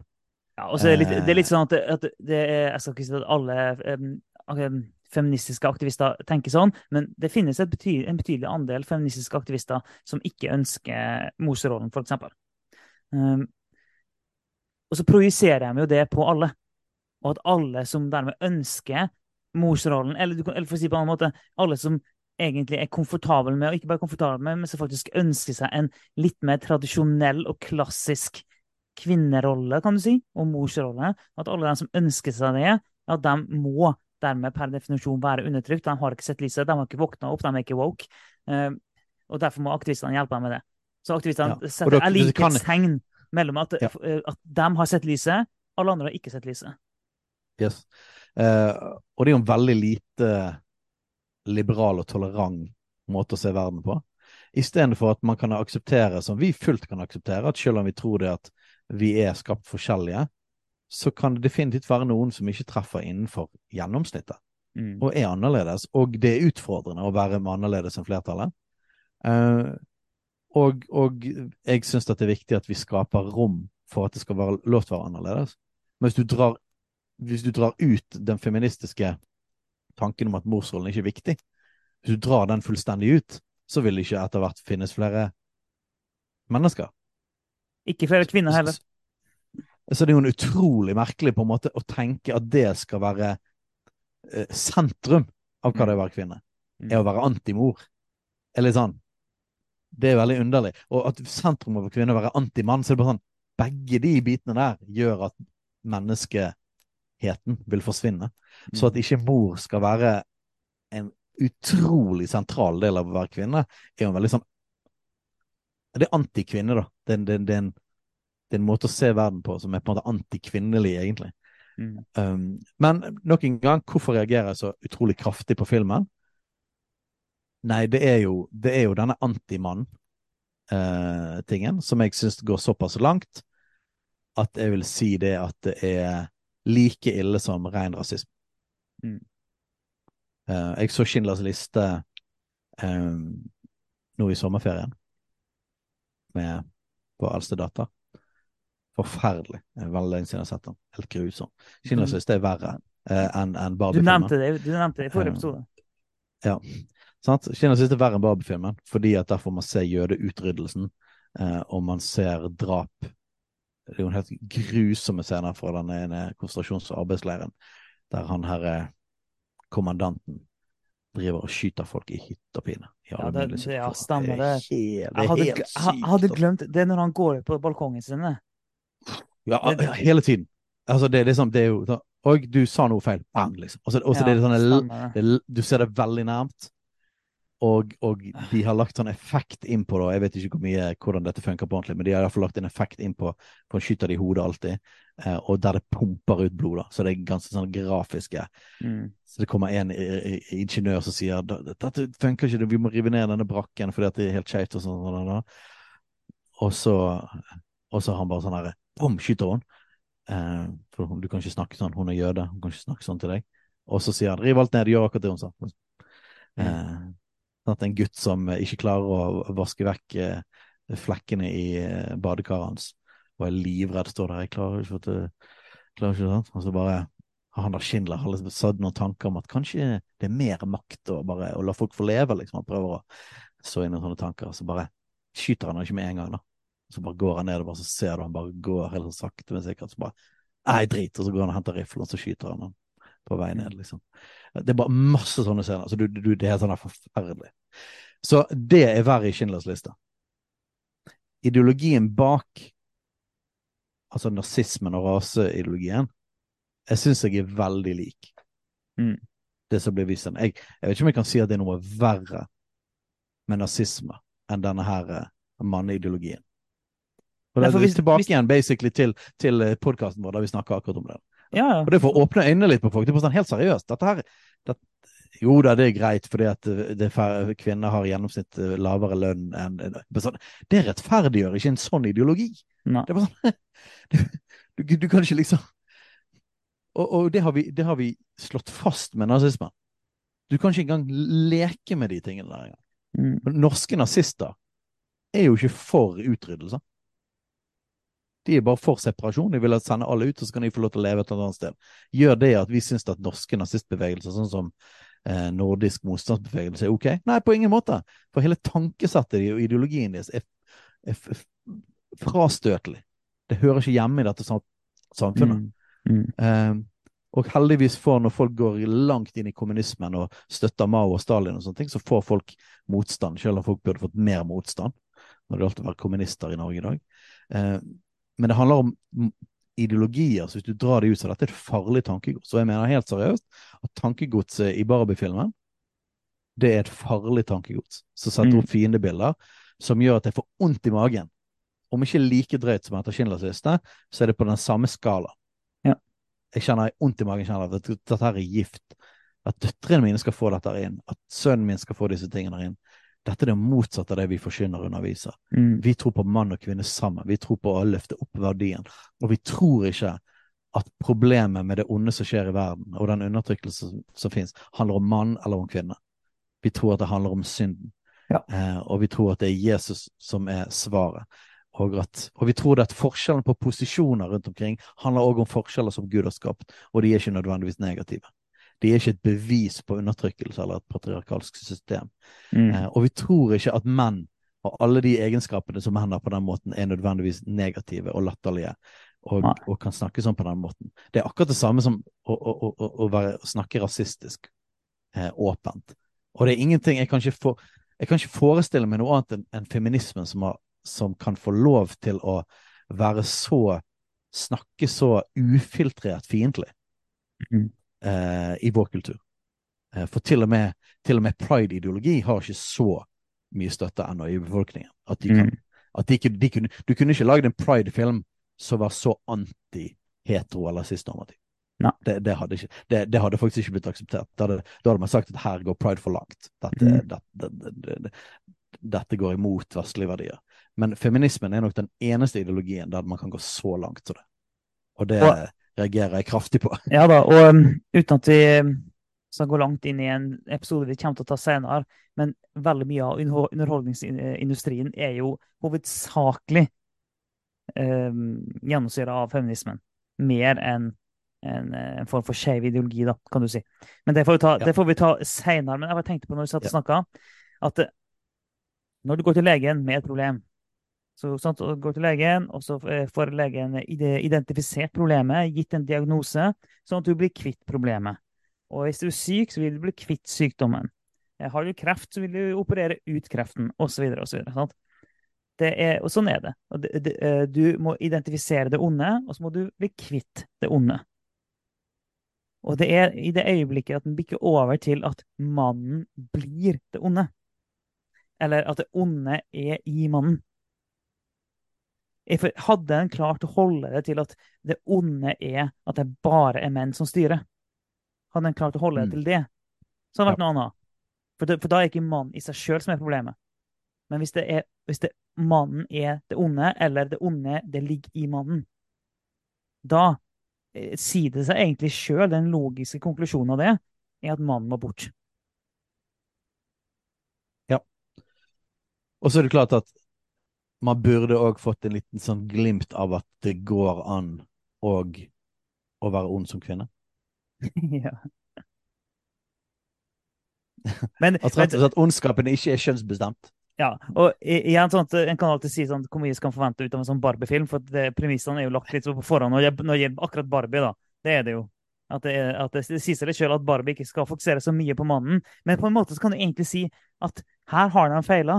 For på mange måter så har de fokusert ekstremt mye på mannen, kan du egentlig si.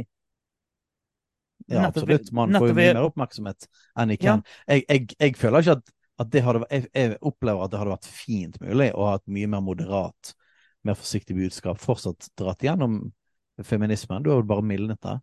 Og, og du hadde gjort litt mer kompliserte karakterer på kvinnen, og du skjønner det at her er ikke det bare rosenrødt. Og, og, og, og mildne mer opp med mannen. Jeg, tror du fint kunne fortalt et feministisk budskap likevel. Mm. Eh, hvorfor måtte man slå så sinnssykt hardt som dette her? Hardere enn jeg har opplevd i, i filmer som har vært woke. Eh, jeg kan ikke huske helt. For det, hovedsakelig i de andre filmene, la oss si Marvel-filmer og sånne ting, så handler det mer om representasjon. Mm. Det handler mer om at du syns han er litt sånn her ah, ja, typisk sånn woke. De må ha den karakteren inn, de må den der, og der har du en native american, og der har du en eh, funksjon. Og det gjorde de her òg, for så vidt. De sprinklet på det, men det var jo bare morsomt og parodisk. Ja, og, Det var men- en Barbie selvfølgelig som var tjukk, og så var det en Barbie som satt i rullestol. Eh, Ja og så, og så bare sånn Ja ja, whatever, liksom. Men det er ikke Det er mer sånn sprinkling, da. Mens det er veldig sjelden at du har så kraftige ideologiske budskap som nesten kjernen. Eh, det er et par filmer jeg har sett. Den ene er en Pixar-film som vi slo av, Ja. og den var sånn. um, Ja, for det, men for av og til så kan bli litt sånn, jeg kan bli litt sliten av eh, det her voldsomme representasjonsjaget med at absolutt alle mulige slags identiteter skal være eh, representert, uh, uansett hvor marginal de er. Og representasjon bør jo egentlig handle litt om altså, Det må jo være proporsjonal og egentlig den representasjonen, men det er jo ikke proporsjonalt i det hele tatt. For å si at det, Uansett hvor marginal identitet det er, så skal det representeres. Og da er det jo, er det jo egentlig eh, Da, da portretterer jo filmen noe som ikke ligner på virkeligheten i det hele tatt. Men greit nok, da. Altså, jeg kan bli litt så sliten av det. og at det, av det er sånn følelse av at enhver actionfilm må ha en supersterk kvinne som banker opp menn. og det er i seg sjøl må gjerne lage filmer om, om det òg, altså. Det er, det er, ikke noe problem i seg sjøl, det. Det er bare det at det, det, finnes veldig få kvinner som kan innta den rollen. Eh, det finnes alltid noen, men det finnes veldig få som kan eh, Altså, det er klart, eh, dyktige det er kvinner som virkelig har lært seg å, å slåss, vil selvfølgelig enkelt kunne, kunne, banke opp en, en fullstendig utrent mann hvis det er en, en, en kampsportdame. Klarer det. For alle. Ja. Men med mindre en stor tung mann legger sin vekt på, da kan det bli vanskelig. Men, ja, du bør fall, du, du bør bruke kampsporttaktikker som ja, på en eller annen ja. måte kan eh, gjøre at vekt og muskelmasse At man eh, klarer å snu det på en eller annen måte. Da. Og det går an. Men det er ingen selvfølge, da. Det, det, går an. Så, så, poenget mitt er bare at ja da, det, det må gjerne og det, Eh, eh, jeg kan gjerne òg ha hele filmer som handler om eh, superheltkvinner. Sånn. Alt er helt greit. Men det er bare at en kan bli sånn sliten når en får en sånn følelse av at det absolutt må være med noen kvinner i tillegg som kan slåss. Um, men det er greit nok. Det, det, vi kan bli sånn sliten av det. Men her er det du beskriver bare filmen, er jo, er jo dratt mye lenger enn bare det. Ja, for her er jo selve budskapet er den ideologien. Sant? Og det er ikke så ofte du ser filmer der det er budskapet. Det er noen ganger der det er en ganske kraftig del av budskapet. Eh, og du har sånn som for eksempel eh, Buzz Lightyear-filmen. Den var jo ganske kraft. Så det er noen som merker seg ut siste årene til å være sånn Oi, det var mer enn før, liksom. Mm. Eh, men da, Man har sett antirasistiske filmer, selvfølgelig, men der er det sånn at vi står for veldig mye av det. Mens det er noen som kanskje har dratt det litt langt. Eh, ideologien i de òg. Eh, men, men, men, noe som er på en måte litt sånn rein ideologisk, sånn som dette, der det er mann-kvinne er budskapet det er budskapet fra begynnelse til slutt, det er hele greien. Ja. Det er ikke så ofte vi ser. Og uh, det fins selvfølgelig sånne her uh, sånne filmer som blir løftet fram i Pride sånne, ja da, det gjør det. det sånn, skal vi kalle det propagandafilmer, eller på en måte filmer med et veldig tydelig budskap på det. Det er klart det finnes, men det finnes, det er veldig sjelden at de er på det nivået av liksom de som er For nå, nå, er det sammen med Oppenheimer den mest sette filmen i sommer, og det blir nok en av de mest sette filmene i år, så det er jo en braksuksess. Det er, det er en, på en måte en uh, kulturskapende film. Ja. Og, uh, og, der, og, der, og, ja. ja. og derfor er det viktig at vi snakker om det. Uh, for at det, det, her er mer det, Den er så stor, og det her er mer enn det vanlige innslaget som vi på en måte har blitt vant med. For Jeg tenkte på det her for noen dager siden, så, så så Ellen så på en serie på TV-en. Jeg fulgte ikke med, jeg har holdt på med mine ting. Men så bare titta jeg opp da, på én scene, og så forstår jeg umiddelbart sånn, Der er det to menn som er homofile. Og de kjente å bli sammen. For det er sånn, Jeg, jeg, jeg holdt på midt på iPaden, ser jeg opp, og så ser jeg eh, sånn det er en som kommer inn i en butikk, og så måten de snakker med hverandre og sånn. Altså, det tok meg ti sekunder. Sånn, her, det her er storyen. Og så bare sånn åh. Eh, altså det, eh, eh, det, problemet er ikke at jeg kan gjerne lage filmer som handler om at homofile finner sammen. Det er ikke poenget mitt. Poenget mitt er opplevelsen av at det er så påtvungent at en må bare desperat ha med det i tillegg. En må liksom desperat ja. få det med. Og så blir det så utrolig dårlig laga at du i løpet av ti sekunder forstår hva som kommer til å skje. Det var sånn, å, mm. Vær så snill, da. Det, det, går, det, er lov å lage filmer uten at det her må være med. Eller, og hvis det skal være med, så gjør det i minste skikkelig, da.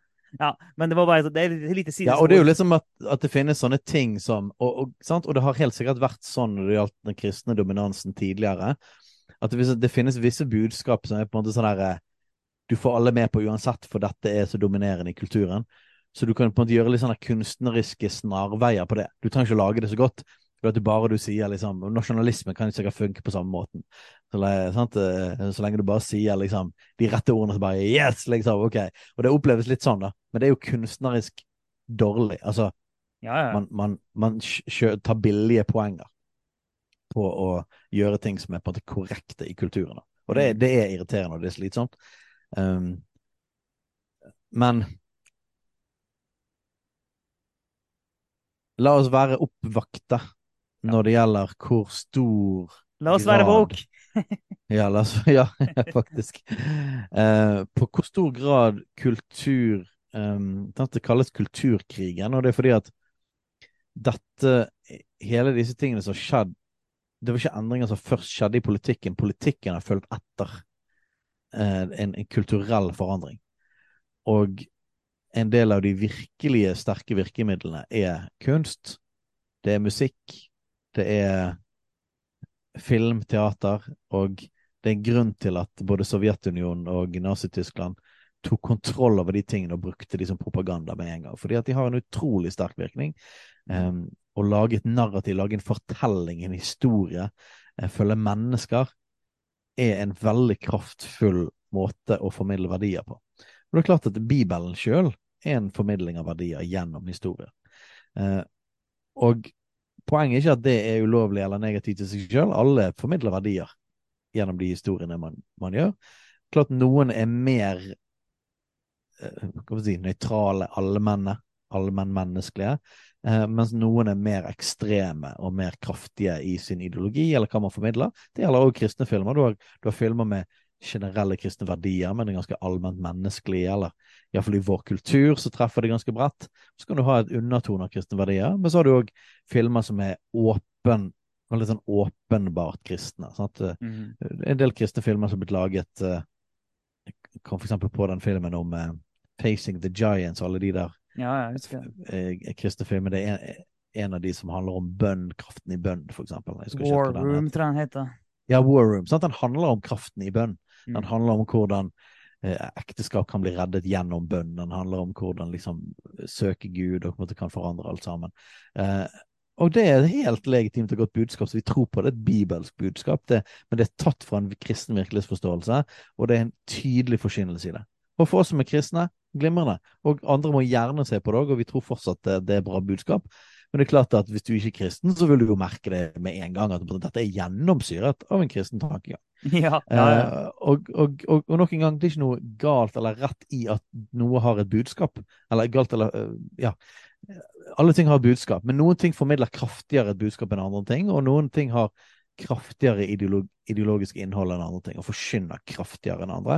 Og Barbie-filmen var overraskende kraftig forkynnelse. Det var overraskende kraftig ideologisk. Mm. Langt over skalaen på det aller meste jeg har satt de siste årene i populærkulturen. Her var det ikke det sprinklet bare med representasjon. Her var det et budskap fra begynnelse til slutt, og det var overraskende hardtslående og kraftig, og vil jeg si destruktivt. Man kunne Halvparten av dette hadde vært jeg hadde, jeg hadde fortsatt kommentert filmen hvis du hadde tatt vekk alle de verste tingene. Så hadde jeg tenkt at ok, dette formidler en virkelighetsforståelse av patriarkatet og, og, feminisme på en måte som ikke er helt på linje med oss, men jeg hadde ikke sagt nødvendigvis at det hadde vært en direkte farlig film. Mm. Denne mener jeg er farlig. Uh, så det er, det er, nivåforskjeller, og det er greit for folk å vite. Denne filmen kommer ikke bare til å blåse av gårde. Den får lov til å prege, prege en generasjon, um, og derfor trenger vi å løfte opp forkynnelsen av mann og kvinne, og hva Bibelen sier om det. Ja, bra. Um, nå har vi holdt på lenge, og jeg tenker at det her yes. er jo en, eh, ikke en forsmak, det er en smak uh, på at vi av og til tar tak i noen um, Hva skal vi si? Populærkulturelle ting. Det er noen filmer, serier, diverse sånne type ting da, i underholdningen som påvirker oss i stor grad. Og så kan vi ta tak i det og snakke oss litt gjennom. Og forhåpentligvis så kan det være en hjelp til å navigere i det her universet. Og forhåpentligvis kan det være en, en hjelp til å lære seg, på en måte, opp sine sanser når en skal se på film og serie og diverse, som vi alle sammen ser på. Men, og som det stort sett går veldig greit å se på.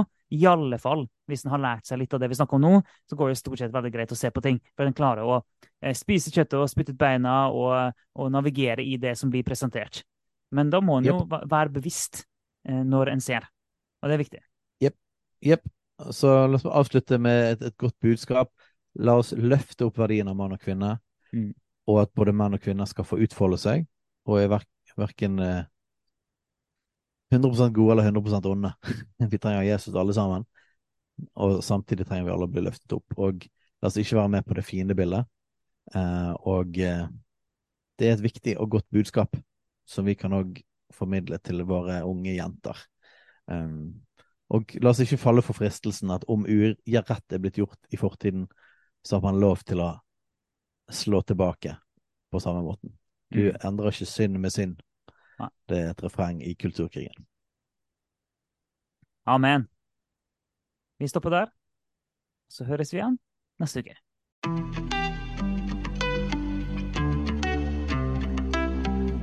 Takk for at du lytter på Kulturkrigen. Om du har tilbakemeldinger, spørsmål, hva som helst egentlig, send inn til post alfakrøll kulturkrigen.no eller på sosiale medier.